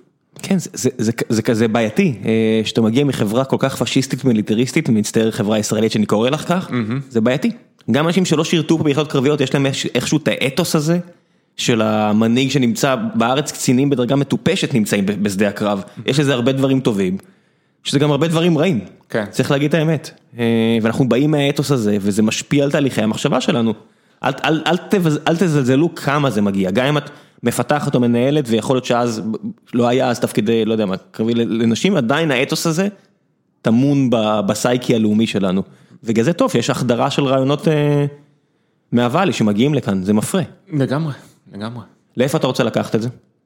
את השיחה? לא. אני, יש לי כיוון בערך, אני יודע, אבל. אתה רוצה לכתוב עוד אחד? אמ, אני חושב שאני מתישהו אכתוב עוד אחד, אמ, אני לא יודע למה, אגב, אמ, זה מאוד קשה. זה לא מתגמל. זה לא מתגמל בכלל, כלומר זה אולי מתגמל מדי פעם, אתה יודע, כמו שמתגמל אותך לכתוב פוסט ואתה מקבל לייקים, כאילו אתה מקבל כזה מניה של דופומין. לא, זה כן, זה שם אותך ולא יודע מה, אם תרצה אחרי זה עוד שבע שנים לעבור לחברה אחרת, אז אתה תהיה בפנקסים של מנכ"לים, כי אומרים וואו, קראתי את גל הזה ואהבתי את מה שהוא אומר, זה שם את הערכים והאידיאלים שלך על השולחן. נכון, אהבתי או לא אהבתי, שזה גם חשוב, כי ככה אתה מוודא שאני לא מגיע למקום הלא נכון. נכון. אבל תמיד כאילו הרבה שאלו אותי בזמן האחרון למה למה באמת כתבתי את זה וכשאני חושב כאילו על האם אני אכתוב עוד ספר אז אני חושב, יש לי איזשהו צורך כזה לעשות brain dump. לנקות הזיכרון. ממש, ו, ולפעמים כש, כשהמחשבות הן מספיק קטנות ופשוטות אז זה נורא קל לעשות את זה בטוויט ואחרי זה אם הן קצת יותר גדולות אז בפוסט. אבל מדי כמה זמן זה כאילו הופך להיות איזה משהו שממש מעיק עליך כמעט אם אתה, אם לא, אתה יודע, תריץ את ה-garbage collector, כן. אז, אז אני, אני מניח ש, שמתישהו זה יקרה ואני אכתוב עוד משהו. אולי זה לא יהיה למנהלים, אולי זה יהיה למפתחים, אולי זה יהיה לתרבות ארגונית, אין לי מושג, זה עוד לא שם. יש לנו גם איזושהי מחויבות, אם ממש השתמש במילה פריבילגיה, יש לנו איזושהי מחויבות החוצה, איך שאני רואה את זה. זאת אומרת, התעשייה פה היא לא מובן מאליו. והיא מפרנסת אותי ומפרנסת אותך, והעובדה שאנשים פה מרוויחים פי 4 ופי 5 ופי לא יודע, פי 3 ומעלה מהשכר הממוצע במשק, היא כל כך לא טריוויאלית בעיניי, וזה קרה כי יש פה איזושהי מגמה של שיפור מתמיד, שלא קיימת במקומות אחרים. Mm-hmm. צריך לשים את זה על השולחן. נכון. והדחף הזה כל הזמן להשתפר, ולא רק להשתפר בעצמך, אלא לעזור לאחרים להשתפר, הוא סופר חשוב. אני לגמרי מסכים, ואני גם חושב ש... אתה יודע, גם בעצם, יש פה משהו נורא מפרה, כשאתה כותב ספר או אפילו שאתה כותב פוסט, אה, אז הנה עכשיו כאילו דיברנו על זה ונתת לי פידבק, כן, אמרת לי תקשיב, לא דיברת על ה trade-offים, אה, אז אתה יודע, אני הפריתי מישהו, אבל ישר אתה מופרה בחזרה, כלומר זה, אני מאוד מאמין שמנהלים, אה, חשוב שהם יקראו וחשוב שהם יכתבו. כי זה יוצר איזשהו מין כזה feedback loop, שמאפשר להם לגדול. כל התעשייה הזאת, תחשוב, כאילו, תיקח את זה A to Z, ממעצבים למנהלי מוצר, מה זה מנהלי מוצר? לא היה פה מנהל, מנהלי מוצר לפני שהגיעו החברות האלה ודחפו את הקונספט הזה, ויש פה חבר'ה כמו גיל הירש שגם מפייסבוק, וכמו מיסיונר מסתובב פה ומסביר מה זה מנהלי מוצר, ועכשיו אתה יודע, אני אומר לאנשים, יש ספר בשם Inspired של מרטי קגן, mm-hmm. שכזה מעין מנטור לגיל וליובל סמט שמסתובבים פה, אומר לכו למקור, לכו תקראו את זה. ותבינו למה מה שאתם עושים הוא לא אידיאלי. Mm-hmm. אתם יכולים לנצח בדרך שלכם, אבל יש דרך טובה יותר. כן. ואנשים קוראים את זה, ושומעים את זה, ושרים כמו שלך, ומעבירים את זה הלאה, וכל האקוסיסטם, השיפור פה מלפני עשר שנים, הוא לא נתפס כמעט. נכון. אתה, אתה בכלל זוכר איך זה היה לפני עשר שנים? אני זוכר שזה היה אחרת, אבל אני לא זוכר בדיוק, אני, האמת שלפני עשר שנים, אני חושב, לפני 11 שנה, בדיוק אז אנחנו, עבדתי באיזה חברה שהכנסנו Scrum. וזה היה כזה כש Agile ו Scrum וכל העולם הזה עדיין היה כאילו ה-bad boy in the neighborhood, כן? זה לא היה כמו עכשיו ש-70 אחוז אני חושב מה, מהסטארט-אפים הישראלים עושים איזשהו process אג'ילי. הם מקיימים את הפולחן, אני לא יודע עד כמה הם כן, מאמינים באלוהים, אבל... בדיוק, אבל אנחנו עשינו גם וגם, אגב, אבל... אבל הנושא הזה של, אתה יודע, של שיפור מתמיד ושל כל הזמן ללכת, וזה היה בחיתוליו ממש ממש ממש, ניהול עדיין היה ברובו הניהול הזה של הצבא, ולחשוב על, ומוצר, כן, product owner ו product manager וכולי היה איזשהו משהו ששמעת עליו. היה רק project management, זה הדבר היחידי שהיה, כן. זה הדבר היחידי שהיה, היה אנשים שציירו טבלאות גאנט ענקיות והיו רצים בין המנכ"ל שהיה אומר להם, למה, אמרת לי שזה יהיה ב-27 בחודש, למה זה לא מוכן בזמן, לך תחזור אליהם ותדאג שזה יהיה ככה. נכון. וזה מה שהיה, זה היה project management, הוא היה רץ בין האנשים כל היום. ושואל, אבל אמרת לי שה-FPGA יהיה מוכן אתמול, למה הוא היה מוכן היום? וזה, וזה... ואם היה product manager, הוא בדרך כלל היה CTO כזה. הוא, חשב שהוא product manager, אבל הוא בדרך כלל דיבר על ארכיטקטורה ועל דברים כאלה. אף אחד לא עשה discovery לשוק, אנשים פה הצליחו בטעות. זה, מדהים כמה הצלחות היו פה בטעות, ורק כשאתה סוגר את הדלת ומדבר עם אנשים, זה לא יאמן ש... אני חושב שהיה הרבה יותר קל להצליח, לא? לא, אני לא חושב שאי פעם היה, זה היה אתגרים מסוג שונה, ואני חושב שההצלחה נמדדה בצורה שונה, היום אני יכול לשאול משקיע על איזשהו אקזיט, וכל העיתונות תהיה מלאה בשבחים, והיום כבר פחות, אבל היה איזו תקופה כזאת, והייתי שואל אותו, מה, פתחת שמפניה איתי? הוא אומר לי, לא, יום גרוע מאוד, יום גרוע מאוד. כי הם רואים את זה, הוא אומר לי, שמע, החברה צריכה להיות מונפקת ב-4 מיליארד. אבל הם מכרו ב-X מאות מיליונים, יום גרוע מאוד. אני בטח לא אגיד את זה ליזמים, אני בטח לא זה, אתה יודע, הוא יגיד לי, אבל... וגם זה אנחנו מתבגרים, ותראה מה קרה פה, תוך שנתיים יש לך פתאום 15 חברות בארץ שהנפיקו במיליארדי דולרים. כן. סביבנו, כן, במרחק תמתח מפה קילומטר, יש פה איזה עשרה חברות, עשר חברות כאלה. ויש כבר הרבה יותר חברות שעושות גם B2C ולא B2B, והשוק מתפתח. ועכשיו תחשוב שבזכות העובדה שיש פה חברות שהנפיקו, פתאום הספר שלך, והספר הבא שתכתוב, יש לו באמת מקום, כי אנשים היו אומרים לי, מה אני צריך ללמוד לנהל? אני במילא על הקו הזה, הסינוס הזה בין ניהול ל-IC, בין IC לניהול, אני קופץ בין חברות, אף אחד לא דמיין פה שיהיה קריירה ארוכת שנים במקום אחד, סטייל ארצות הברית, שאתה עושה MBA ואתה נותן כבוד לניהול ולהשכלה, כי אתה מפתח קריירה כמנהל, אתה לא סותם חורים שנע ממקום למקום. אני מדבר עם חברים שעברו הברית, והם מרוויחים משכורות עתק, והם רוצים לחזור, ואומרים, אבל איפה אני אעבוד בארץ? אין חברות כאלה שייתנו לי מקום כזה, דירקטור בפייסבוק ומעלה, איפה אני אחזור ארצה? עכשיו יש לך 10-15 חברות כאלה, ועכשיו אתה אומר, אוקיי, צריך גם להכשיר את הדירקטורים. צריך גם להכשיר מנהל של מנהלים, אתה נגעת בזה בספר, נכון. וזה יכול להיות שזה יהיה הספר הבא, או, שת, או שתרד בסולם למטה פעם הבאה, אבל אין את ההשכלה הזו בארץ. זה, זה בדיוק כמו שאמרת, כן? זה כמו שההשכלה הזאת של product manager היא משהו שרק בשנים האחרונות, ו, וממש עדיין לא, חושב, אנחנו, אנחנו עדיין אנחנו לא שם. עדיין לא שם. בארצות הברית היום, product manager לא רק שזה משהו שהוא, אתה יודע, ברור לחלוטין שהוא, שיש אותו בכל חברת הייטק, לומדים אותו באוניברסיטאות הכי טובות בארצות הברית בתוארים, כאילו אני לא חושב שיש תואר בארץ לדבר הזה, יש? גם אם יש, אני לא סופר אותו, יסלחו לי החבר'ה, אבל זה מה יש, כי אנחנו עדיין לא שם, כי הצורך, אנחנו לא נותנים לזה מספיק כבוד, וכשאנחנו לא נותנים לזה מספיק כבוד, השטח יכתיב עד שה... למרות שעכשיו כבר לדעתי יש צורך, כלומר אני מכיר, בטח שיש צורך, כאילו, יש... זה חסר מאוד, זה מאוד מאוד מאוד חסר, אנשים פה עושים חרא של עבודה. מהבחינה הזו, וכל ההתקדמות שלנו כמפתחים, שאנשים פה כותבים קוד כבר ברמה גבוהה, ועושים ארכיטקטורה ברמה גבוהה בינלאומית, עדיין בכל מה שקשור ל market discovery, והבנה של מוצרים, ודברים כאלה, אנחנו צריכים, יש לנו עוד כברת דרך לעשות. לגמרי. אתה הרגשת את זה?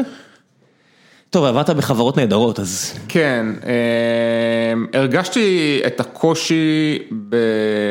בדיוק עכשיו דיברתי עם, עם, עם ידידה שלי שהיא... באזורים של product manager, הרגשתי מאוד את הקושי בלגייס product managers מצוינים. זה מאוד מאוד מאוד קשה. אני עכשיו עובד בפייסבוק, אז עוד פעם, יש לי את הפריבילגיה לעבוד עם product manager אלופת העולם, אבל זה, זה פייסבוק, אתה יודע, זה, זה... אני חושב שאחת הסיבות שתמיד נמשכתי להגיע לפייסבוק, זה היה כי זה באמת חברה שיודעת לייצר מוצר. מדהים שה user רוצה ולחשוב על היוזרים, מה היוזרים צריכים, איך לעשות את ה discovery שאתה מדבר עליו, איך לעשות איטרציות על המוצר בצורה כזאת שייתנו לשוק בדיוק את מה שהוא צריך, את מה שהוא רוצה. אל תיעלבו, לכם אין את האפשרות לעשות את זה, כי פייסבוק פיתחו כלים מדהימים שמאפשרים להם לעשות את זה. אז זה גם כלים, כן, זה גם כלים, אתה יודע, מן הסתם. שמשווים, שאתה יכול להכניס feature ולראות איך הוא משפיע על ה topline KPI שלך, על מסות של אנשים. לגמרי, אבל זה גם תרבות, כן, זה תרבות שבאה ואומרת, תקשיב, אני רוצה לתת value ל user, ואני רוצה להבין איך אני עושה את זה. כן, אז אני יכול להיות שאני עושה את זה עם כלי מדידה, אבל יכול להיות שאני עושה את זה עם user research מאוד מאוד מאוד עמוק, שילך והוא לא יהיה סתמי, כן, הוא ילך בדיוק לשוק שאני צריך בו, ואני אבין בדיוק מה אנשים צריכים, מה חסר להם, מה יש להם, מה עובד להם טוב, מה לא. יש כמובן גם את הפריבילגיה, שאתה יכול לתת לאנשים לשחק עם איזשהו מוצר, ולראות האם הם אוהבים אותו, לא אוהבים אותו, מה חסר להם, ולתת להם בדיוק את זה. הדבר שהכי קשה בטח לאנשים לשמוע ומדגדג להם כי הרבה פעמים שאנשים מדברים על הצלחות של חברות אומרים כן הלכתי בדרך הזאת וזה לא הצליח. זה לא מתכון להצלחה, זה מתכון לשיפור ההסתברות להצלחה. כל מי שמשחק פוקר או ראה עכשיו את זה של הבחירות 80% שתצליח זה לא אומר שאתה בטוח תצליח. זה רק אומר שאם זה יתגלגל עכשיו 10 פעמים אז 8 פעמים תצליח. כל מה שאנחנו יכולים לעשות זה לשפר את הסיכויים עדיין יכול לבוא איזה קטסטרופה לא צפויה. ואתה תיכשל. כל כך נכון. אחד הספרים שאני הכי אוהב, הזכרתי אותם גם בספר שלי, הוא ספר של אני דיוק, נקרא Thinking in Bets. היא... Thinking in Bets. Thinking in Bets, כן. היא אלופת, הייתה אלופת פוקר, בין היתר היום מרצה בכל מיני אוניברסיטאות נחשבות בעולם וכולי, אבל הייתה אלופת פוקר והיא אומרת... היא למדה את זה, כן, למי שלא מכיר את הסיפור, היא למדה לשחק פוקר בשביל הספר, אם אני זוכר נכון, שמעתי אותה ב Freakonomics או אחד מאלה. כן, כלומר אח שלה שיחק פוקר ואז הוא גרר אותה לזה והיא תמיד התלהבה מזה בגלל החשיבה הזאת על קבלת החלטות, והיא אומרת, תקשיב, כל החלטה שאתה לוקח, זה לא משנה עכשיו אם זו החלטה של מה לעשות בחיים או החלטה מוצרית, כל החלטה שאתה לוקח, היא בעצם ריזיקה, זה איזשהו סיכון, ומה שאתה צריך לעשות זה לאמוד כמו שעשית עכשיו כאן, זה לאמוד את הסיכון, אני אומר, תקשיב, יש לי 80 אחוז להצליח, יש לי 20 אחוז גם להיכשל, תמיד, יש לי 80 אחוז להצליח, סבבה, 80 אחוז זה טוב לי או רע לי, אני צריך להחליט, ב-20 אחוז שאני נכשל, יש לי מיטיגציית פלן, אני יודע מה יקרה כשאני אעשה, אם התשובות 80 אחוז זה בסדר, אני יודע מה אני הולך לעשות כשאני אכשל, זה, אני הולך על זה, אם לא, אני צריך ללכת על תוכנית אחרת. כן. וזה מה שהיא אומרת, ואגב, גם כבר דיברת קודם, הזכרת ספורט, מייקל ג'ורדן אמר בזמנו ש... לא זוכר את הציטוט המדויק, אבל הוא אמר משהו כמו לקחתי 900 זריקות מכריעות, או החטאתי 900 זריקות מכריעות, אבל מכל אחת למדתי. כן, אז זה עוד, עוד משהו ש, שאנשים שהם נמצאים בעולם הזה של קבלת החלטות, ואני חושב שזה כמעט כולם, שלפעמים שוכחים, צריכים ללמוד מהכישלונות. זה הכל תרבות, זה עניין, לא, לא מפתיע אותי שזה דווקא בצפון קליפורניה, במדינת הספורט המפוארת הזאת, יצא כל התרבות הייטק הזו שכבשה את העולם. זה, אני אישית עושה את החיבור הזה גם לספורט, כי אני שחקתי שח עד איזה גיל, ומה שמפריד בין השחקנים הטובים לרעים, זה אלה שחושבים שניצחון זה הדבר הטוב. לא, הדבר הטוב זה להפסיד, לחזור הביתה, אתה רושם הרי כל מהלך, כן. אתה משחק שוב את המשחק ואתה רואה מה עשית לא טוב. תעשה את זה על כל ענף תחרותי, בכלל אני לא אומר ספורט כי הוויכוח הזה אם שח ספורט זה לא מעניין כרגע, אבל זה לא משנה אם שיחקת עכשיו כדורעף שמאוד אהבתי או שח, אתה חייב להבין מה עשית לא טוב, וזה תרבות. התרבות הזו של המצוינות ואתה רואה איך זה גם מעיף ספורטאים ישראלים, פתאום אתה שומע על כל מיני כספי ומקל ועבדיה שמעיפים את עצמם קדימה בזה שהם בתרבות הזו של constantly improve, כל הזמן do better, זה תרבות לגמרי אמריקאית, כן? עכשיו פעם אמריקאים היו לא טובים בשלשות, כשאנחנו היינו ילדים, קלעים זה היה הסרבים, כי הם היו זורקים, הנה. אמריקאים אכלו את זה, תרבות מנצחת הכל. זה גם, אם מדברים כאילו על הכישורים בין תרבות של ספורט להייטק, אני חושב שגם בעניין הזה של ה data ולמדוד כל דבר, הרי הספורט האמריקאי, אתה יודע, זה הכל שם סטטיסטיקות. בייסבול, בטח. בייסבול, לא רק בייסבול, אגב, זה בייסבול. זה זלג משם להכל. נכון, הכל, הכל, הכל נמדד ברמות כאילו קיצוניות, וככה הם משתפרים. כלומר, מסתכלים, רגע, מה היה לא טוב, כמה hits או מה קורה שם בבייסבול, באיזה inning, אז הם מסתכלים על זה ואומרים, רגע. ככה אני בעצם, על זה אני צריך לעבוד, ואותו דבר גם קורה היום בהייטק האמריקני, שכמובן זולג לכל מקום. הבעיה היא שיש איזה מחיר סוציאלי. זאת אומרת, העובדה שזה לא מתאים לכולם ואנשים נפלטים, תמיד, תמיד יש את העניין הזה, את הכתבות ynet של הגעתי לגיל 40 ואין לי עבודה, הגעתי לגיל 50 ואין לי עבודה, אתה יכול לקרוא את הטוקבקים של חכו חכו, זה יגיע גם אליכם, וכמה כואב לי להגיד את האמת בדברים האלה, שזה לא הגיל. זה לא הגיל. זה רק התרגיל של אם בגיל 30 כנראה שהצלחת לחמוק מתחת לזה כי, כי עדיין היית בוגרת אוניברסיטה והיית בעניינים. וכבר 20 שנה שלא התפתחת. רן ברזיק, הזכרת אותו קודם, הוא תמיד אוהב להגיד, להגדיר על עצמו שהוא זקן, כן? למרות שנראה לי שהוא, שהוא בגילים. הוא בגילים, יש לו ילדים בני 20 ומשהו, איך שהוא, אתה יודע, כן, האיש התחיל מוקדם. זה, זה, זה, אבל אתה, אתה, אתה רואה כאילו את, ה, את הזה, כאילו, אתה רואה את, ה, את היכולת שלו כאילו להישאר on top, זה, זה הכל עניין של החלטה, כאילו כמה אתה מחליט עכשיו, אני כאילו on top of technologies, אני on top of management skills, אני on top of הטרנדים, כי כן. אחד הדברים שבאמת אנחנו, אני חושב, נהנים מהם, ואנשים אחרים סובלים מהם פה בעולם של ההייטק, זה שהדבר הזה הוא נורא נורא... משתנה, גדל, אה, אה, כלומר זה רץ עם הטכנולוגיה, כלומר הפרוססים רצים, כן. החברות רצות, המתודולוגיות משתנות נורא מהר. יש לנו פריבילגיה שזה כיף עבור חלקנו. אבל אני, אני אשלח אתכם לכל מיני שחיינים אולימפיים ישראלים מפורסמים, ששנאו את הבריכה. הם שנאו אותה, אתם יודעים מה הם עשו כל בוקר? הם הלכו לשחות, אתם יודעים מה הם עשו כל ערב? הם הלכו לשחות, אתם רוצים להיות טובים מה שאתם רוצים? אין מה לעשות. אין, זה לא פריבילגיה ששמורה למי שנהנה מזה. זה העבודה, אני מצטער לומר את זה, אבל זה העבודה. מצד שני, אם אין לך לזה passion, זה בעיה. בסדר, אני אומר, כן. יכול להיות שאתה לא מתאים לעבודה הזו, נכון. אבל אנשים אומרים, אני רק רוצה להגיע אה, תשע שעות, שמונה שעות, למה אין לי אפשרות כזאת? כי זה לא עבודה, אני מצטער, mm-hmm. זה לא עבודה, והדרך הזאת שאנחנו מדברים עליה, תכחיד את הדרך האחרת, אין, זה תהליך שאני רואה אותו קורה, ואני רואה אותו הולך לקרות, ומפתחי COBOL ש... שעשו את מה שהם עושים כבר הרבה שנים ורק רוצים להמשיך לעשות את זה, I'm sorry, אבל זה לא יכול להימשך ככה. נכון, זה, אני חושב שיש שם איזשהו שילוב של, אה, ש, ש, שנדרש בין commitment ל passion, כלומר passion שדוחף את ה commitment ולפעמים גם קצת הפוך, אה, ו-in our line of work, it's a must. כן, ואנשים אומרים לי, משווים את זה לרופאים, אתה חושב שרופא צריך ללמוד אקסטרה, אשכרה זה טיעונים שלי, אתה חושב שרופאים צריכים ללמוד? כן. כן, הם הולכים לכנסים והם לומדים, ואם לא, אתה נהיה חרא רופא, מה לעשות? וקוראים מחקרים, כן. וכאילו, ברור. מה לעשות? וזה בגלל שזה ענף תחרותי, פה זה לא רק בשפיץ, זה פחות או יותר ילך ומתרחב על כולם, כי החברות דוחפות אחת השנייה, ואני רואה פה, הרמה הגבוהה מעיפה את התחרות החוצה, והפריבילגיה שלנו זה שבתעשייה פה יש הרבה אנשים שהם נתפסו לזה, אז עוד ועוד חברות הולכות אנשים הולכים לקרוא את הספר שלך, הולכים לבוא למנהלים שלהם ולדרוש, אני רוצה לנהל ככה ידידי. ואם אתה לא הולך לתת לי לנהל ככה, אני הולך לעבור לחברה שכן.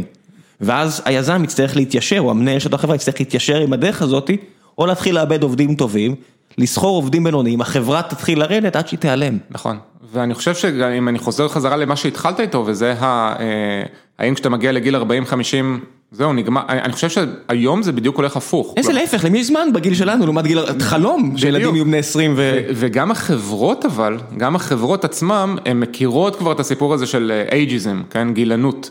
אה, זה הולך בדיוק לאותם מקומות של diversity של ג'נדר, או של אה, כל קבוצת מיעוט אחרת, ובגלל שהן מודעות לזה, מודעות לזה, אז עוד פעם אנחנו מגיעים למצב הזה שהם אה, שומרים דווקא מקום אה, ומאפשרים את זה ומבינים שיש שם בעיה לפעמים ולכן זה הופכת להיות לנאן אישו ואתה יודע, יש אנשים שהם... אה, איפה, אני אומר לך, יש לי, אם כבר אני צריך לדכא את האייג'זם ההפוך שלי, אני אומר את זה, אני שם את זה על השולחן, אני רואה, לא יודע מה, גבר בן 30, אני אומר, 32, אני אומר, אני יודע מה זה להיות אבא צעיר, זה זה קשה. מצד שני, אני רואה מישהו בן 45, מספר לי שהילד שלו בן 15, אוקיי. יש לך זמן. יש לך זמן. אתה יודע, אין מה לעשות, זה, הראש שלי הולך שם, ברור שאני מדכא את המחשבה הזאת וחייב לסלק את כל הדברים האלה, אנחנו גם במקום שהוא כבר מספיק גדול אצלנו, כדי באמת, אפילו שאני לא אצטרך לחשוב על זה בראשון שאני אצטרך לדכא את זה, אבל ברור שזה שם. כן. אני מבחינתי, כמי שגם רואה שוויון בין גברים לנשים מהבחינה הזאתי, מבחינתי זה על כולם בגיל הזה. נכון. כן, זה לא... הנה עכשיו יש לנו לא יודע מה, אם מישהו פה עכשיו אשתו, תראה, אני מבחינתי דוחף אותו לחודש חופש, כי זה, כי יש לנו כבר את היכולת הזו. כן, אנחנו רואים גם אצלנו שאתה יודע שבזמן ה-working from home והקורונה וכל זה, אז היית מצפה שזה ישפיע דווקא על, אה, אתה יודע, על אוכלוסיות מסוימות, נכון? על כאלה שיש להם, אה, שהם הורים וכולי, אבל אנחנו רואים שזה דווקא לא בהכרח, לפעמים זה משפיע, אה, הדברים האלה יותר על רווקים. כי הם איבדו את המסגרות שלהם. איבדו את המסגרות שלהם ויש כן. להם פחות אפשרות, לס- אתה יודע, סושיאל. לא לקחו להם כלום, אני ברגע שהילד שלי חזר לגן, חזרתי. אתה- מה זה, את הפאבים, את כל המסעדות, אוקיי, סבבה. אני, כש- כשהחזרנו את הילדים למסגרות, זה היה ממש לא מזמן, פתאום הרגשתי את הפרודוקטיביות שלי כאילו קופצת ברמות ש... ש... ש... מטורפות. שכחתי שאני בכלל יכול לעבוד בצורה כזאת, כן? רצוף. רצוף, ובלי הפרעות כאלה, קונטקסט, רק כשהם רצים פה, כאילו, לידי. מדהים. כן, הפריבילגיה הזו של אה, מסגרות, בדיוק היה פה הקודם, האורחת הקודמת הייתה נשיאת אה, האוניברסיטה הפתוחה, אמרתי תמיד היה את התלונה הזו שמערכת החינוך בארץ היא רק בייביסיטר, ואני אומר, שכחנו שגם בייביסיטר זה חשוב. זה חשוב, גם אם אני מצפה ממנה להרבה יותר, גם אם תיקח לי את הפונקציה הבסיסית הזו, וואו כמה שאני נסמך עליה, זאת אומרת כמה שזה בסיס. נכון. איך זה אצלכם, זאת אומרת, את, זוגתך עובדת, אמרת את זה בספר, בגלל זה כן, אני כן, מציין את זה, אחרת- לא הייתי מציין את זה, אני בדרך כלל. לא מדבר על דברים כאלה, אבל זוגתך עובדת באותו חברה כמוך. כן. כמה שנים משם? היא לימור שם שנה וחצי, אה, אז היא התחילה, אני חושב איזה שנה לפניי, משהו זה- כזה. זה הטריג אצלך משהו? הטריג? אני מניח שלפני שהיא התקבלה לפייסבוק והתחילה לעבוד שם, היה לך איזושהי דעה על החברה? אני הייתי ב... ב... נקרא לזה קשרי חיזור אה, עם פייסבוק אה, תקופה אה, ארוכה כבר מאוד. זה תמיד הייתה חברה שאמרתי קודם שמאוד כזה ריתקה אותי ועניינה אותי תרבותית. אני מאוד מתחבר כאילו לvalue הזה של focus on impact, מאוד מתחבר לדרך שהם, אתה יודע, חושבים מוצר. אבל זה אף פעם לא הסתדר, תמיד כאילו חיכיתי לאיזה משהו כזה שיעניין אותי באופן ספציפי. ולימור, כן, היא הלכה לשם, ואני חושב שזה הטריג, כלומר זה, מצד אחד זה קצת הפחיד אותי, לעבוד באותה חברה ש... שאשתי עובדת בה, זה כאילו, כנראה, אני מודה שזה לא מושך אותי. כן, לא, אה, אני מודה שזה לא נשמע לי כ... יש בזה מן הסתם דברים שהם לא אידיאליים, מצד שני זה כאילו, אני- באותו תפקיד, כן? ובאותו תפקיד, מנהלת פיתוח. מצד שני, זה קצת הקל עליי, כלומר, אני, יש מישהי שאני, א', מעריץ, אבל ב', מאוד סומך עליה, יודע כאילו בדיוק איך היא חושבת על חברה, איך היא חושבת על תפקיד וכולי, והיא נמצאת בחברה שהיא אומרת לי, תקשיב, כיף פה, מדהים פה, אני מאוד נהנית. אז אני מקבל את זה כאילו, אתה יודע, ממקור ראשון, אני לא צריך לחשוב, רגע, הם אמרו לי וחשבתי וקראתי וזה, אני יודע בדיוק. זה מה שאני חשבתי, זאת אומרת, מי, מי יכול להיות יותר אמין בהמלצה מאשר בן בת זוג? בדיוק, אז אה, זה כאילו, אתה יודע, הוריד המון מחסומים. אה, זה יוצר איזושהי בעיות מבחינת הקורפרט? פייסבוק מאוד, כאילו, אני, אתה יודע, דווקא בגלל שזה פייסבוק והם נתונים כן. לחוקי HR מאוד קפדניים. לגמרי, מה שהצחיק אותי זה שכשהתחלתי בפייסבוק, ואתה יודע, אז יש כזה, בהתחלה אתה פוגש מלא אנשים, כי אתה לא מכיר אף אחד, אה, ויש לך כזה פיץ' כזה שאתה מספר, כן, אני גל, בן 40, לא, ו... ו... ואז תמיד זה, ופאנ פאקט, אשתי כאילו עובדת בפייסבוק, ואז אומרים, אה, כן, גם אשתי. או אה, כן, גם בעלי. כאילו, בתוך כדי הדבר הזה גיליתי שיש עוד איזה ארבעה זוגות נשואים, אה, רק בסייט הישראלי, ועוד איזה כמה כאילו חברים וכולי. זה הזיה. זה מסתבר כאילו שזה קטע, אה, ואין עם זה בעיה, כלומר הבעיה היחידה יכולה להיות, כאילו אנחנו גם לא, פייסבוק ישראל היא כבר מקום מספיק גדול אה, בשביל שאנחנו ממש נמצאים בארגונים נפרדים, כלומר, אנחנו, אני חושב שאנחנו, אה, טוב, מותר להגיד על מה אתה עובד, מה היא עובדת, או שאתה כן, כן, אין בעיה, אני, אני חושב שבעץ הארגוני אנחנו נפגשים רק אצל מרק, אה, אז כאילו זה ממש כאילו מרוחקים, אה, לימור עובדת, היא תומכת, מה? איך המשפט שאמרת עכשיו הגיוני? אז זה הגיוני, כי זה... אין, לא יודע, מתחת למרק אה, אחראי טכנולוגיות או משהו כזה ש... אז יש אבל כמה, יש הבנתי, טכנולוגיות, אחרי מוצר, הבנתי, זה... הבנתי, הבנתי, אוקיי. אמ, אז, אני, אז לימור אה, היא תומכת בארגון שנקרא אקספרס וי-פיי, הם בעצם אה, עוזרים או מפתחים טכנולוגיה ש... ב-emerging markets, אה, מדינות, מדינות עולם שלישי, אה, במקומות שאין שם אינטרנט ממש, אה, הם עוזרים להם להתחבר לאינטרנט, מדינות כמו הודו, אפריקה וכולי, לא בדיוק בהודו, אלא בכפרים מסוימים בהודו ובמקומות מסוימים באפריקה. כן, לא המאה מיליון ההודים שהם מעמד בינוני גבוה. אלא עוד המיליארד פלוס שמה לעשות, ב- המילה פריבילגיה כל כך רחוקה מהם שזה מצחיק. בדיוק, אה, ואני תומך בצוות אה, שמפתח מוצר שנקרא Instagram Lite, זה בעצם, אנחנו קצת בדומה, אנחנו רוצים לאפשר לאנשים שיש להם מה שאנחנו קוראים לו low-end devices, כן, אנדרואידים חלשים בזיכרון, במעבדים, אנשים שאין להם את האפשרות לרכוש את ה-high-end devices שלנו יש, עדיין שהם יוכלו להשתמש באינסטגרם, ואתה יודע, ליצור, לראות מה קורה, להתחבר לאנשים שהם, שאכפת להם מהם, אז, אז מסתבר שב... שוב, ב-emerging markets, הטלפונים האלה מן הסתם עולים נורא יקר על ה-high-end devices, ולהם יש טלפונים יותר זולים, אז אנחנו יוצרים אינסטגרם שהוא יעבוד טוב גם על טלפונים שהם עם קצת זיכרון וכולי, אנחנו עושים, לא ניכנס עמוק לזה עכשיו, אנחנו עושים את זה על ידי זה שאנחנו יוצרים, מורידים את הגודל של האפליקציה להיות נורא קטן, פחות משני מגה בייט, זה אולי לא נשמע הרבה למי שלא מבין, אבל זה נורא קצת. אפליקציות מודרניות זה כמה עשרות, זה מה שהיה חסר, שזה מדובר פה על שני סדרי גודל, כן, לעומת אפליקציות אחרות. בדיוק, ואז זה נורא מקל לאנשים האלה לעשות download, זה נורא מקל עליהם, כי ה download יצליח, כן, הם נמצאים ברשת שהיא כנראה רשת לא 4 או 5G, הטלפון שלהם הוא חלש, עם לא הרבה זיכרון, אז אנחנו דואגים שיהיה להם אינסטגרם שהוא יעבוד אצלם בצורה שהיא. אתה יודע, seamless ית וכיפית ומהירה, ובשביל זה הגעתי לפייסבוק, זה פרויקט שהגניב אותי. עד כמה יכלת לספר, זאת אומרת, אני שמעתי על זה נגיד לפני כמה חודשים, במקרה, עד כמה יכלת לספר שלעובדים שאתה צריך למשוך אליך, הרי, טוב, האמת שאתה מושך רק מבפנים, אתה לא מושך מבחוץ. נכון. יתרון גדול. כן, אז בפייסבוק זה עובד בצורה כזאת, שאנשים, כלומר, אחרי שהם התקבלו לפייסבוק, אז בעצם... יש דראפט. מה זה? יש דראפט, בדיוק. אז זה בעצם... כלומר, קצת היוצרות מתהפכות ובעצם המפתחים בוחרים לאיזה צוות הם מצטרפים, פרק אחר אולי, אבל ככה זה עובד, אז מה שאתה, אני בתור מנהל צריך למשוך את האנשים מבפנים, כלומר אחרי שהם כבר התקבלו לפייסבוק, ואז אין בעיה לספר להם כל דבר. מה ההבטחות הכי גדולות שאתה יכול לתת? מה הפיצ'ים? כן, בצוות או בפייסבוק? מה הפיצ' שלך? לא, לא בפייסבוק. אז אני אומר להם, תקשיבו, אנחנו מפתחים מוצר, אז אני כאילו תמיד, זה הדברים שמושכים אותי, כן? אחד, זה המישן. בעיניי זה מישן מדהים, כן? אנחנו מפתחים מוצר לאנשים שהיום לא יכולים להשתמש לו, הם פשוט לא יכולים. וכשאנחנו נפתח אותו, נסיים לפתח אותו, אז הם יוכלו, ותחשבו, זה אינסטגרם, איזה כיף זה, כאילו מוצר נורא נורא כיפי.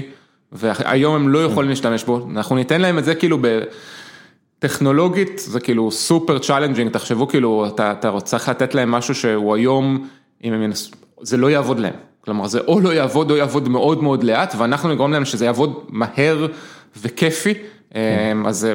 אחד הפיצוחים הגדולים פה של ה site הישראלי היה עודד בלייר וכל החבר'ה הטובים שעמדו מאחורי האתגר הגדול הזה של Facebook Lite. בדיוק. והוכיחו שאפשר לקחת את פייסבוק כאפליקציה. ולהנגיש אותה למאות מיליוני אנשים עם טלפונים. מה לעשות שהאפליקציה הראשית של פייסבוק רוצה כל הזמן להשתפר והיא מנצלת את כל היכולות של הטלפונים הטובים. וזה נחמד שלכל המפתחים יש אייפון עדכני עם החומרה סלש תוכנה הכי טובה שיש אבל. בדיוק, אז אז זה מישן וזה וזה טכנולוגיה שבעיניי הם מדהימים ו, ו, ומצטרפים לצוות שהוא, מפתחים שחוץ מזה שהם הם כולם הכי חכמים בחדר, זה מצחיק להגיד אבל הם כולם. נורא נורא נורא כיף להם לעבוד איתם, הם סופר אנגייג' כאילו להצלחה, ברמות שלא ראיתי בשום מקום אחר. זה גם אתגר טכנולוגי לא מבוטל. לא מבוטל, אבל אבל אבל אתה יודע, כשאתה בא, כשיש לך את האנשים הכי חכמים והם נורא אנגייג' כי הם הם רוצים להצליח, זה חשוב להם. יש את המשפט הזה, כן, שתשים, תמצא את האנשים הכי חכמים, שים אותם בחדר וצא החוצה. זה פחות או יותר מה שאני מנסה לעשות, לא להפריע. מה שאמרת עכשיו זה הרבה עבודה, זה גם למצוא אותם. גם לשים אותם בחדר זה אומר שהם צריך לדאוג שהם יסתדרו וגם לא להפריע, זה הרבה עבודה. כן, אז האמת שבקטע הזה אני חושב שממש התמזל מזלי, כלומר צוות מדהים, מה שאנחנו קוראים לו XFN Cross Functionals, כן. זאת אומרת שכל החבר'ה אצלך עושים כמה פונקציות, גם צד שרת, גם צד לקוח, ככה אומרים client ו server? כן, כן, אז עושים הכל, בלי הפרדה. מה דעתך האישית, שזה האידיאל? אני אישית, שוב, זה לא שאין אנשים, גם בתוך פייסבוק וגם שאנחנו עובדים איתם, שהם, אתה יודע, Android specialist וכולי, יש, ואנחנו מדי פעם כאלה צריכים את המומחיות הזאתי, אבל אני בגדול מאוד אוהב מפתחים שיודעים לעשות הכל ורוצים לעשות הכל ומסוגלים לעשות הכל. זאת אומרת, אתה מאמין בזה שזה לגמרי ולידי והגיוני וטוב. כן, זה מאפשר... אנחנו לא מסכימים, בגלל זה אני אומר, אני יודע שהתפיסה בפייסבוק היא על full stack engineers. לא בכל מקום, כלומר, יש גם full stack engineers ויש גם אנשים שהם Android specialist. וכן יש דברים שהם נורא נורא specialist, כמו, אתה יודע, data engineer ו data scientist ו production engineer, שהם specialist. שלא תבקשו מהם לצייר פיקסלים. לא, לא נבקש מהם. ויש אנשים ש... אבל מה שכן... שאתה צריך לתכנן את הצוות שלך, אתה ממש חושב ברמה של אוקיי, אני צריך פה פונקציה ספציפית, זה הסנטר בקבוצה שלי, ועוד ארבעה גארדים? כן ולא, כלומר, יש אנשים... יש להם passion לדברים מסוימים ויש להם strengths לדברים מסוימים והם ירצו ללכת לשם ואנחנו נעשה כל מה שהם יכולים כדי ללכת לשם, אבל אני כשאני חושב על זה אני בעיקר חושב כמה הם impact driven, כי אם הם impact driven אז מה שמעניין אותם זה יהיה לתת impact. עכשיו אם הם יצטרכו לעשות את זה על ידי זה שהם ישנו פיקסל או על ידי זה שהם יוסיפו, ישנו תשתית. זה חשוב להם, אבל, והם ירצו כנראה לגוון, אבל מה שחשוב להם זה ה impact וזה אולי הדבר יש לך זמן להתגלח על הזקן של עצמך, זאת אומרת נגיד עכשיו אתה צריך, כמו שעשו ב Facebook Lite בזמנו, לבנות איזשהו מנוע שירנדר את הפיקסלים לא בצד ה client אלא בצד השרת, אני מקווה שאני לא חושף פה, אני מניח שלא, כי... אם אתה יודע אז אתה כנראה יודע. לא, אין מה, מי שיקח את המכשיר יבין מה קורה. לא, אנחנו, ככה הארכיטקטורה עובדת, בגדול הארכיטקטורה עובדת על ידי זה שאנחנו הזזנו חלק משמעותי מהלוגיקה שרצה ב client, היא רצה בצד השרת, וזה בעצם מאפשר לאפליקציה להיות מאוד קטנה. אוקיי, אז סט הכישורים וצורת המחשבה שנחוצה כדי לעשות ארכיטקטורה כזאת, זה א', תביא בן אדם מב' שרוצה להיות א', זה בסדר שהוא רוצה ואולי הוא יהיה, אבל הוא יצטרך להתגלח על הזקן שלך. אז אנחנו... או שאתה מספיק סומך על האנשים שפייסבוק גייסה מכדי שזה לא יהיה אישו. א', האנשים הם מאוד מאוד מאוד מוכשרים. ב', זה בטוח. ב', זה קצת תלוי בהם, כלומר באחד הדברים המאוד יפים בפייסבוק שקורים, זה זה מין תרבות כזאת של יפים בעיניי, כן, זה לא נכון לכל מקום, זה תרבות של בוטום אפ, זה מאפשר לאנשים לבחור בהמון המון מקרים על מה הם עובדים, זה זה ממש הם יכולים לבחור על מה הם עובדים, לא רק ב, ב, ב, ביום הראשון שהם בוחרים את הצוות, גם אחרי זה, גם בתוך הצוות לבחור על מה הם עובדים, אבל כמו שאמרנו בהתחלה, האחריות עליהם. אם הם לא יצליחו, כי הבחירה שלהם הייתה לא נכונה, אפילו ברמת הריסק, או הם לא הצליחו, כי הם לא, הם לא שמה. כן. זה עליהם. אני אתמוך בהם, אני אנסה לכוון אותם, אני אנסה לעזור להם. כי ה-PM אמר לכם מה המטרות, ואתה מבין מה המטרות, ואתם משרתים את המטרה. ולפעמים, מה זה לפעמים? המפתח יכול לבוא בכיף ל-PM ולהגיד לו, תקשיב, אנחנו צריכים ללכת למטרה אחרת. אני, אני, יש, יש לנו, בגלל שאנחנו עובדים הרבה מול פייסבוק ויוטיוב וטוויץ' תחת אמזון, יש דברים, אתה יודע, ב-APIים שאני אומר, אוקיי חבר'ה, אנחנו צריכים שזה ישתנה, כי בואו אני אסביר לכם למה זה לא טוב, למה זה בעייתי, אומרים... ואז ה-PM יכול לבוא ולהגיד לי, תקשיב, אני לא צריך לשחרר את המפתחים, זה לא יקרה, מצטער. ואתה אומר, מה הכוונה? שיחה שקרתה עם אחת משלושת החברות האלה, בואו אתם תכתבו את זה, ואנחנו קצת דרך לעטוף את זה, וזה יהיה שלנו, של שנינו, השיחה באמת אמיתית, מה קורה פה עכשיו? כן. ככה זה. נתנו המון כוח למפתחים. המון המון כוח למפתחים, והמפתחים עובדים עם ה-PMים, זה כאילו, זה לא שה-PM, אתה יודע, כותב ספק, ואז המפתחים באים ואומרים, אה, זה ספק סבבה, אני אעשה, לא. אני ממש, לא. עובדים ביחד על, מגדירים ביחד את הגולים ואת המטריקות, ומפתח יכול עכשיו לקחת גול ומטריקה, ואם בסוף הוא, אתה יודע, הוא לא יצליח, זה עליו, ואם הוא יצליח, אחלה. כמה חסר לך הצד השני? לא חסר לי. כמעט ולא חסר לי בכלל, כלומר, אתה יודע, פעם פעם בתקופה שאני, שיש לי איזה זמן להשתתף בהאקתון, כותב קצת קוד, זה תמיד כיף, והסיבה היחידה שזה כיף לי, אני חושב, זה הסטיספקשן המיידי הזה שאני מקבל בזה שאה, כתבתי פה, לא יודע מה, Hello World ואני רואה את Hello World על המסך. כן, אושר בסוף זה, אפשר לרדד אושר למערכות יחסים, ללפתח טכניקה, מיומנות.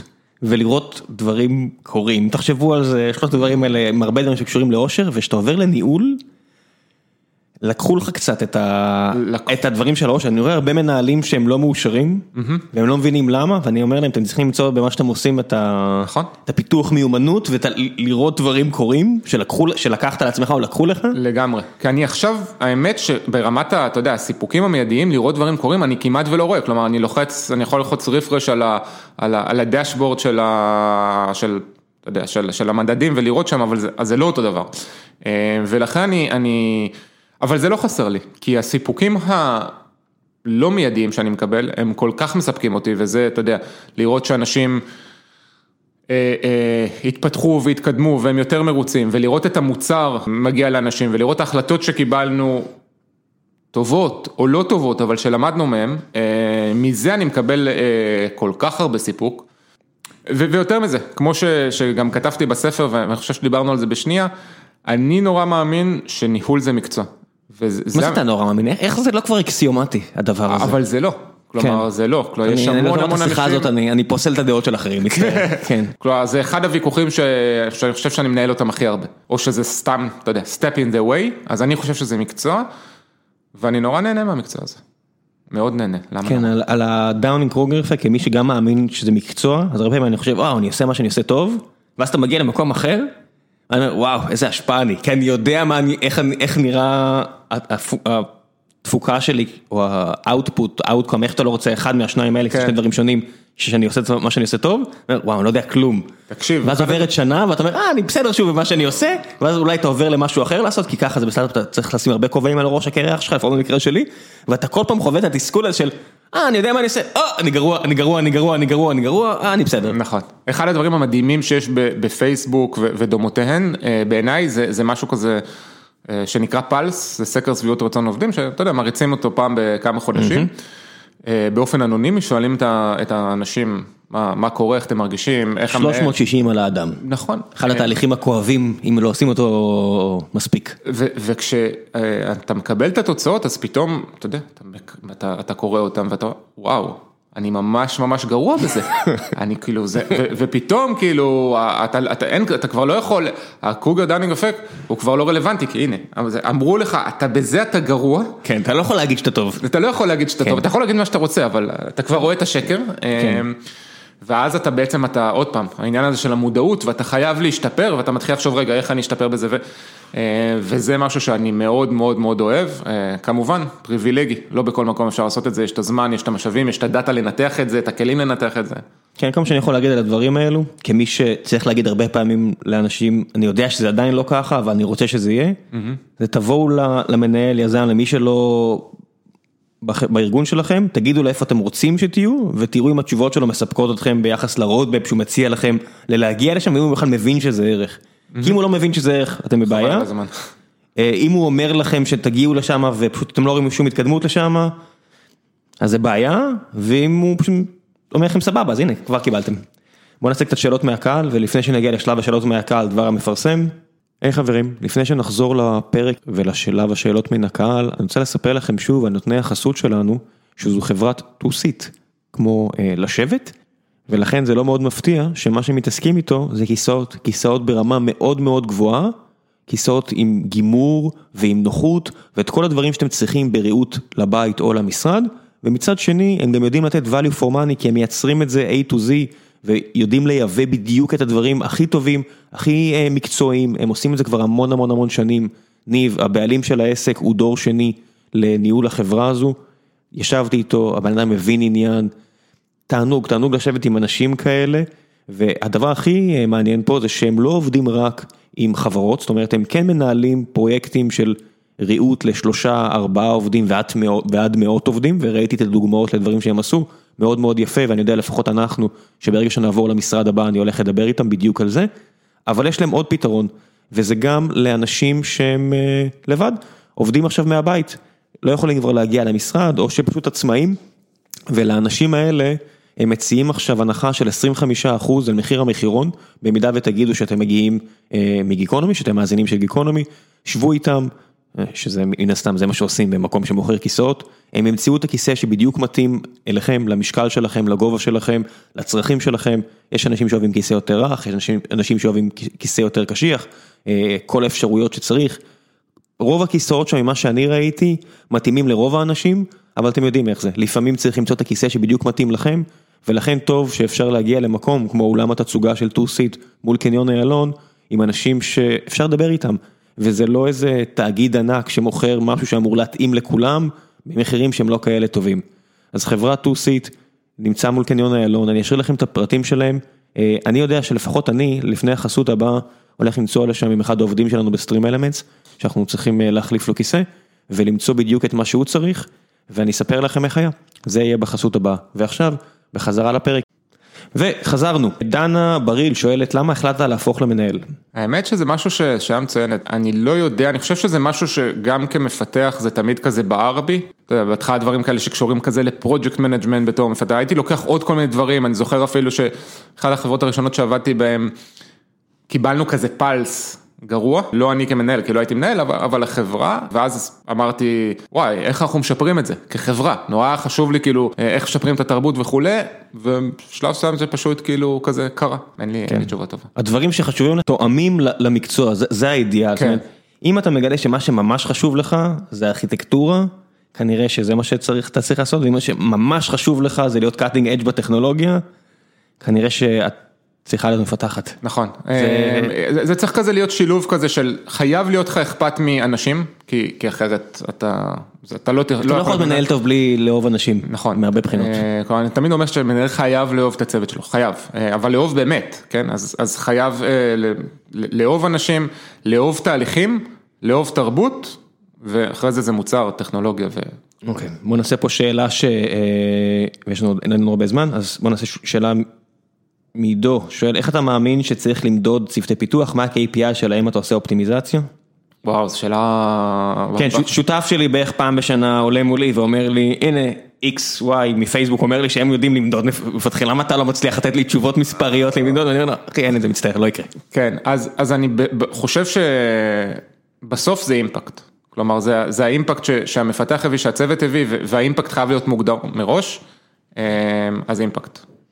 אוקיי, יובל, יובל קסטן, כן כן יובל, בכוונה לא התלבטתי אם להגיד את השם שלו או לא, אבל הוא אחד המנהלים, המנהל שלך לא? כן. אוקיי, אז יובל שואל, מה דעתך על הקונספט של Team Leads, מנהלים אין זון של תתי צוותים קטנים, מה החסרונות יתרונות של המודל לעומת המודל של first line managers, מנהלים מנוסים שמנהלים צוותים של עשרה פלוס אנשים. כן, אז אז אני חושב שכאילו החיסרון הבולט של של Team Leads זה שזה הופך את הארגון להיות מאוד לא שטוח, מה שלוקח הרבה מאוד מה-empowerment וה-ownership של המפתחים. היתרון של זה שזה נורא כיף וקל, כן, ה-Team Leads הם הם מכירים את הקוד, הם יכולים עכשיו לעשות גם קוד ריוויו וגם לשפר את האנשים בהיבט הטכני, זה בדרך כלל אבל אני חושב הולך עוד פעם למקום הזה של לא מספיק מקצועיות. אין מנהלים, טימליץ זה לא באמת מנהל, זה מפתח שקיבל גם אחריות של מנהל, בדיוק, ובסופו של דבר אם אתה מקבל גם אחריות של מנהל אז כשפוש קם תושב ואתה עושה את מה שהכי חשוב מבחינתך זה הקוד, אז אתה תגיד אל דברו איתי ביומיים הקרובים, נכון, זאת אומרת היה לי איזה ראש צוות שהוא היה הרבה יותר מפתח, הוא היה ראש צוות טימליד באיזה ארגון מהגדולים בעולם, והוא אמר זה היה איזה יום אחד שאמרתי, כן, ארבעה ימים עכשיו אני צריך לסגור את עצמי בבית, אני חייב לסגור את המשימה הזאת. אתה מסתכל עליהם, אתה בטוח שזה העבודה שלך? הכל סבבה, אתה בטוח שזה העבודה שלך? וזה נורא קל, כי הוא מעולה כנראה. מה זה נורא קל? זה מה שמצפים ממנו. הוא גם מעולה בזה, זה מה שיעשה. כן, זה מה שמצפים ממנו, זה הבעיה, זה עניין של תיאום ציפיות, זה תמיד עניין של תיאום ציפיות. מה גורם לך להרגיש סיפוק מקצועי? אבי שואל. וואי, כשאני, כשמפתחים שלי הם הם כזה, אני מרגיש שהם סגרו איזה פער, שהם התפתחו, שהם התקדמו, או שהם באים ואומרים לי, תקשיב, זוכר את הפידבק הזה שנתת לי? אז הנה, ואני רואה את זה, זה מדהים.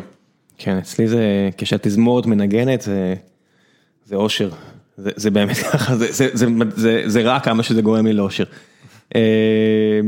כל מיני שאלות מתחכמות, אלי שואל, אלי, ארקוש שואל כמה קשה היה לך לכתוב את הספר ועוד באנגלית, איך מתחילים את התהליך, גיבוש התכנים לכדי סיפור, טיפים שתוכל לחלוק? אז האמת שזה היה לי מאוד קשה ואני ממש לא ממליץ על הדרך שאני עשיתי את זה בה, כי זו הייתה דרך מאוד כאוטית, כאילו היו לי כל מיני רעיונות בראש, זרקתי אותם ואז פתאום אמרתי טוב רגע אבל אם אני כותב ספר אז צריך איזשהו framework או principles, אי אפשר סתם רעיונות, ואז באתי עם ה-framework ואז ניסיתי להפוך את הרעיונות להיות בפרמורק, ואז אמרתי, רגע, אבל המבנה פה גרוע.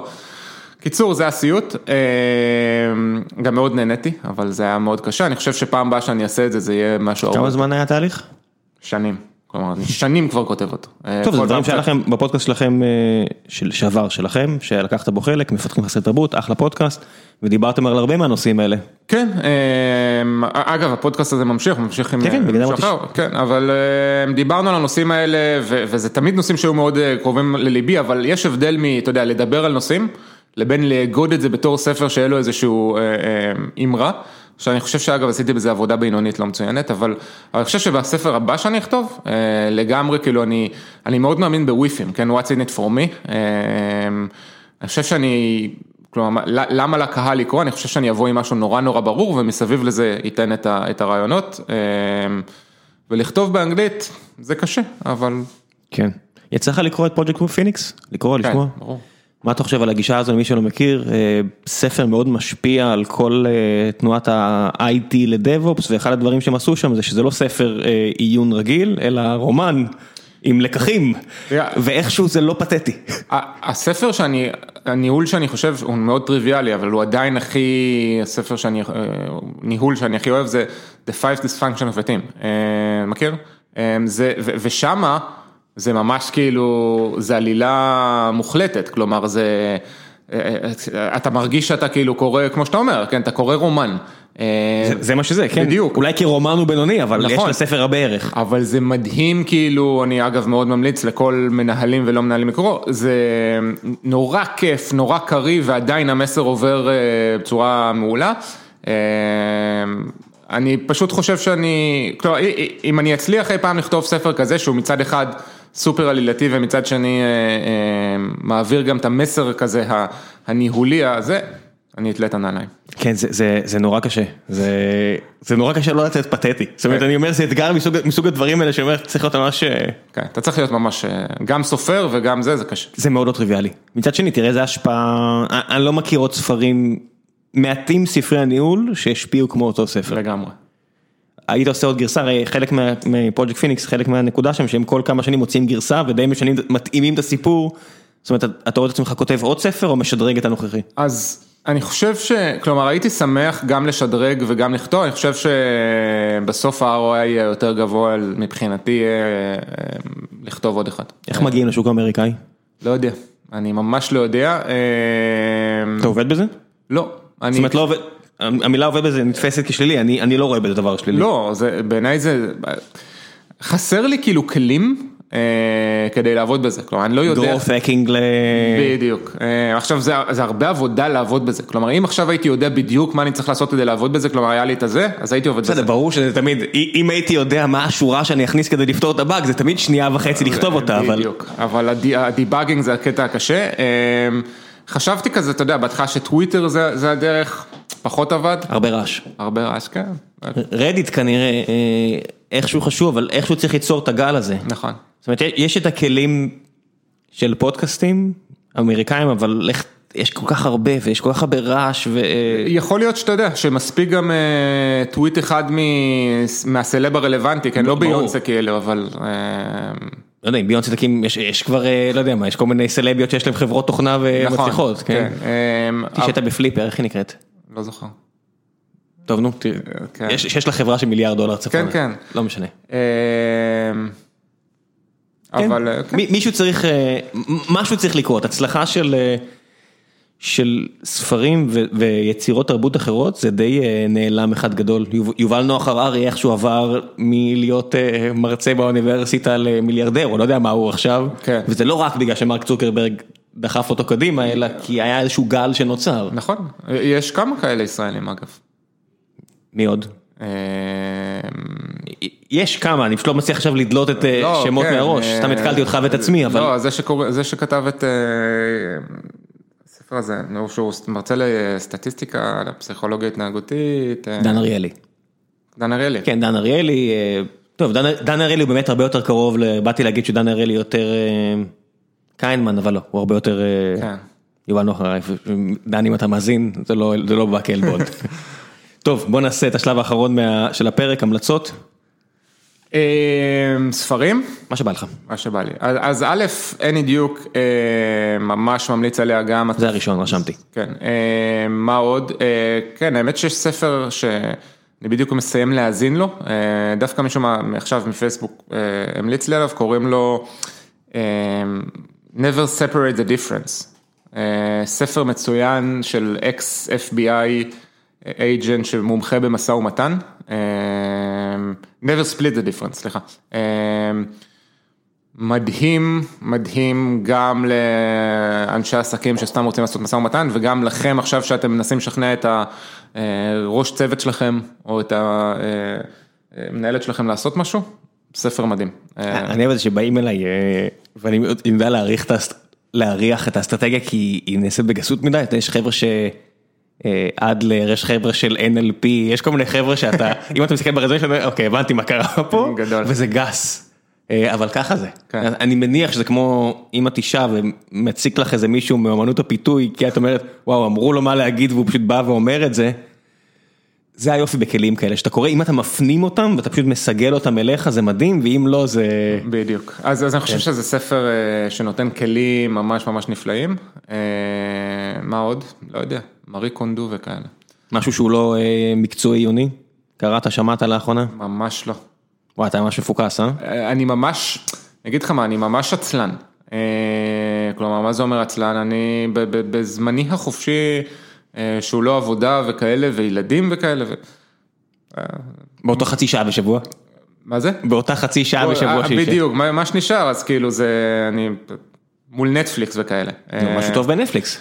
אז התחלתי לראות את זאתי עם הגמביט, דיברנו על שח. כן, קווינס גמביט. כן, בינתיים זה אחלה. כן, זה חמוד. כן. קצת, קצת כאילו, יש, קליל מאוד, בסדר, אבל זה ממש מנקה את הראש בכיף. אתה יודע, אתה יודע שיצירה היא קלילה כשמכניסים את השם של היצירה בצורה דרמטית, השרת פותח ד' ארבע ואומר, This is the Queen Gambit, אה אחי, יכלנו לוותר על הקטע הזה, אבל בסדר, אני מעריך, לא עשינו ספוילרים. לא, לא, הכל בסדר. כן, אז כאלה.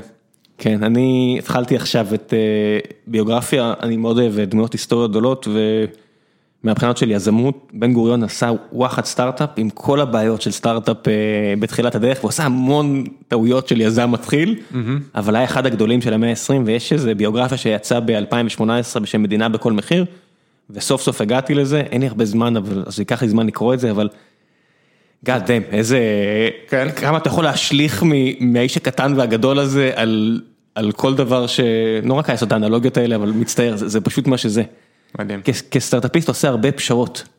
אתה עושה מלא מלא פשרות שאתה מצטער עליהן, ואחרי זה ה-culture debt וה-tech debt חוזר לנשוך אותך בטוסיק. אז גם מר בן גוריון עשה כאלה. זה היופי בלעבוד באימפריות בעלייה. אנשים עשו מעט מאוד פשרות וזה ממש השתלם להם. כן, זאת אומרת שאצלנו במדינה יש הרבה culture debt.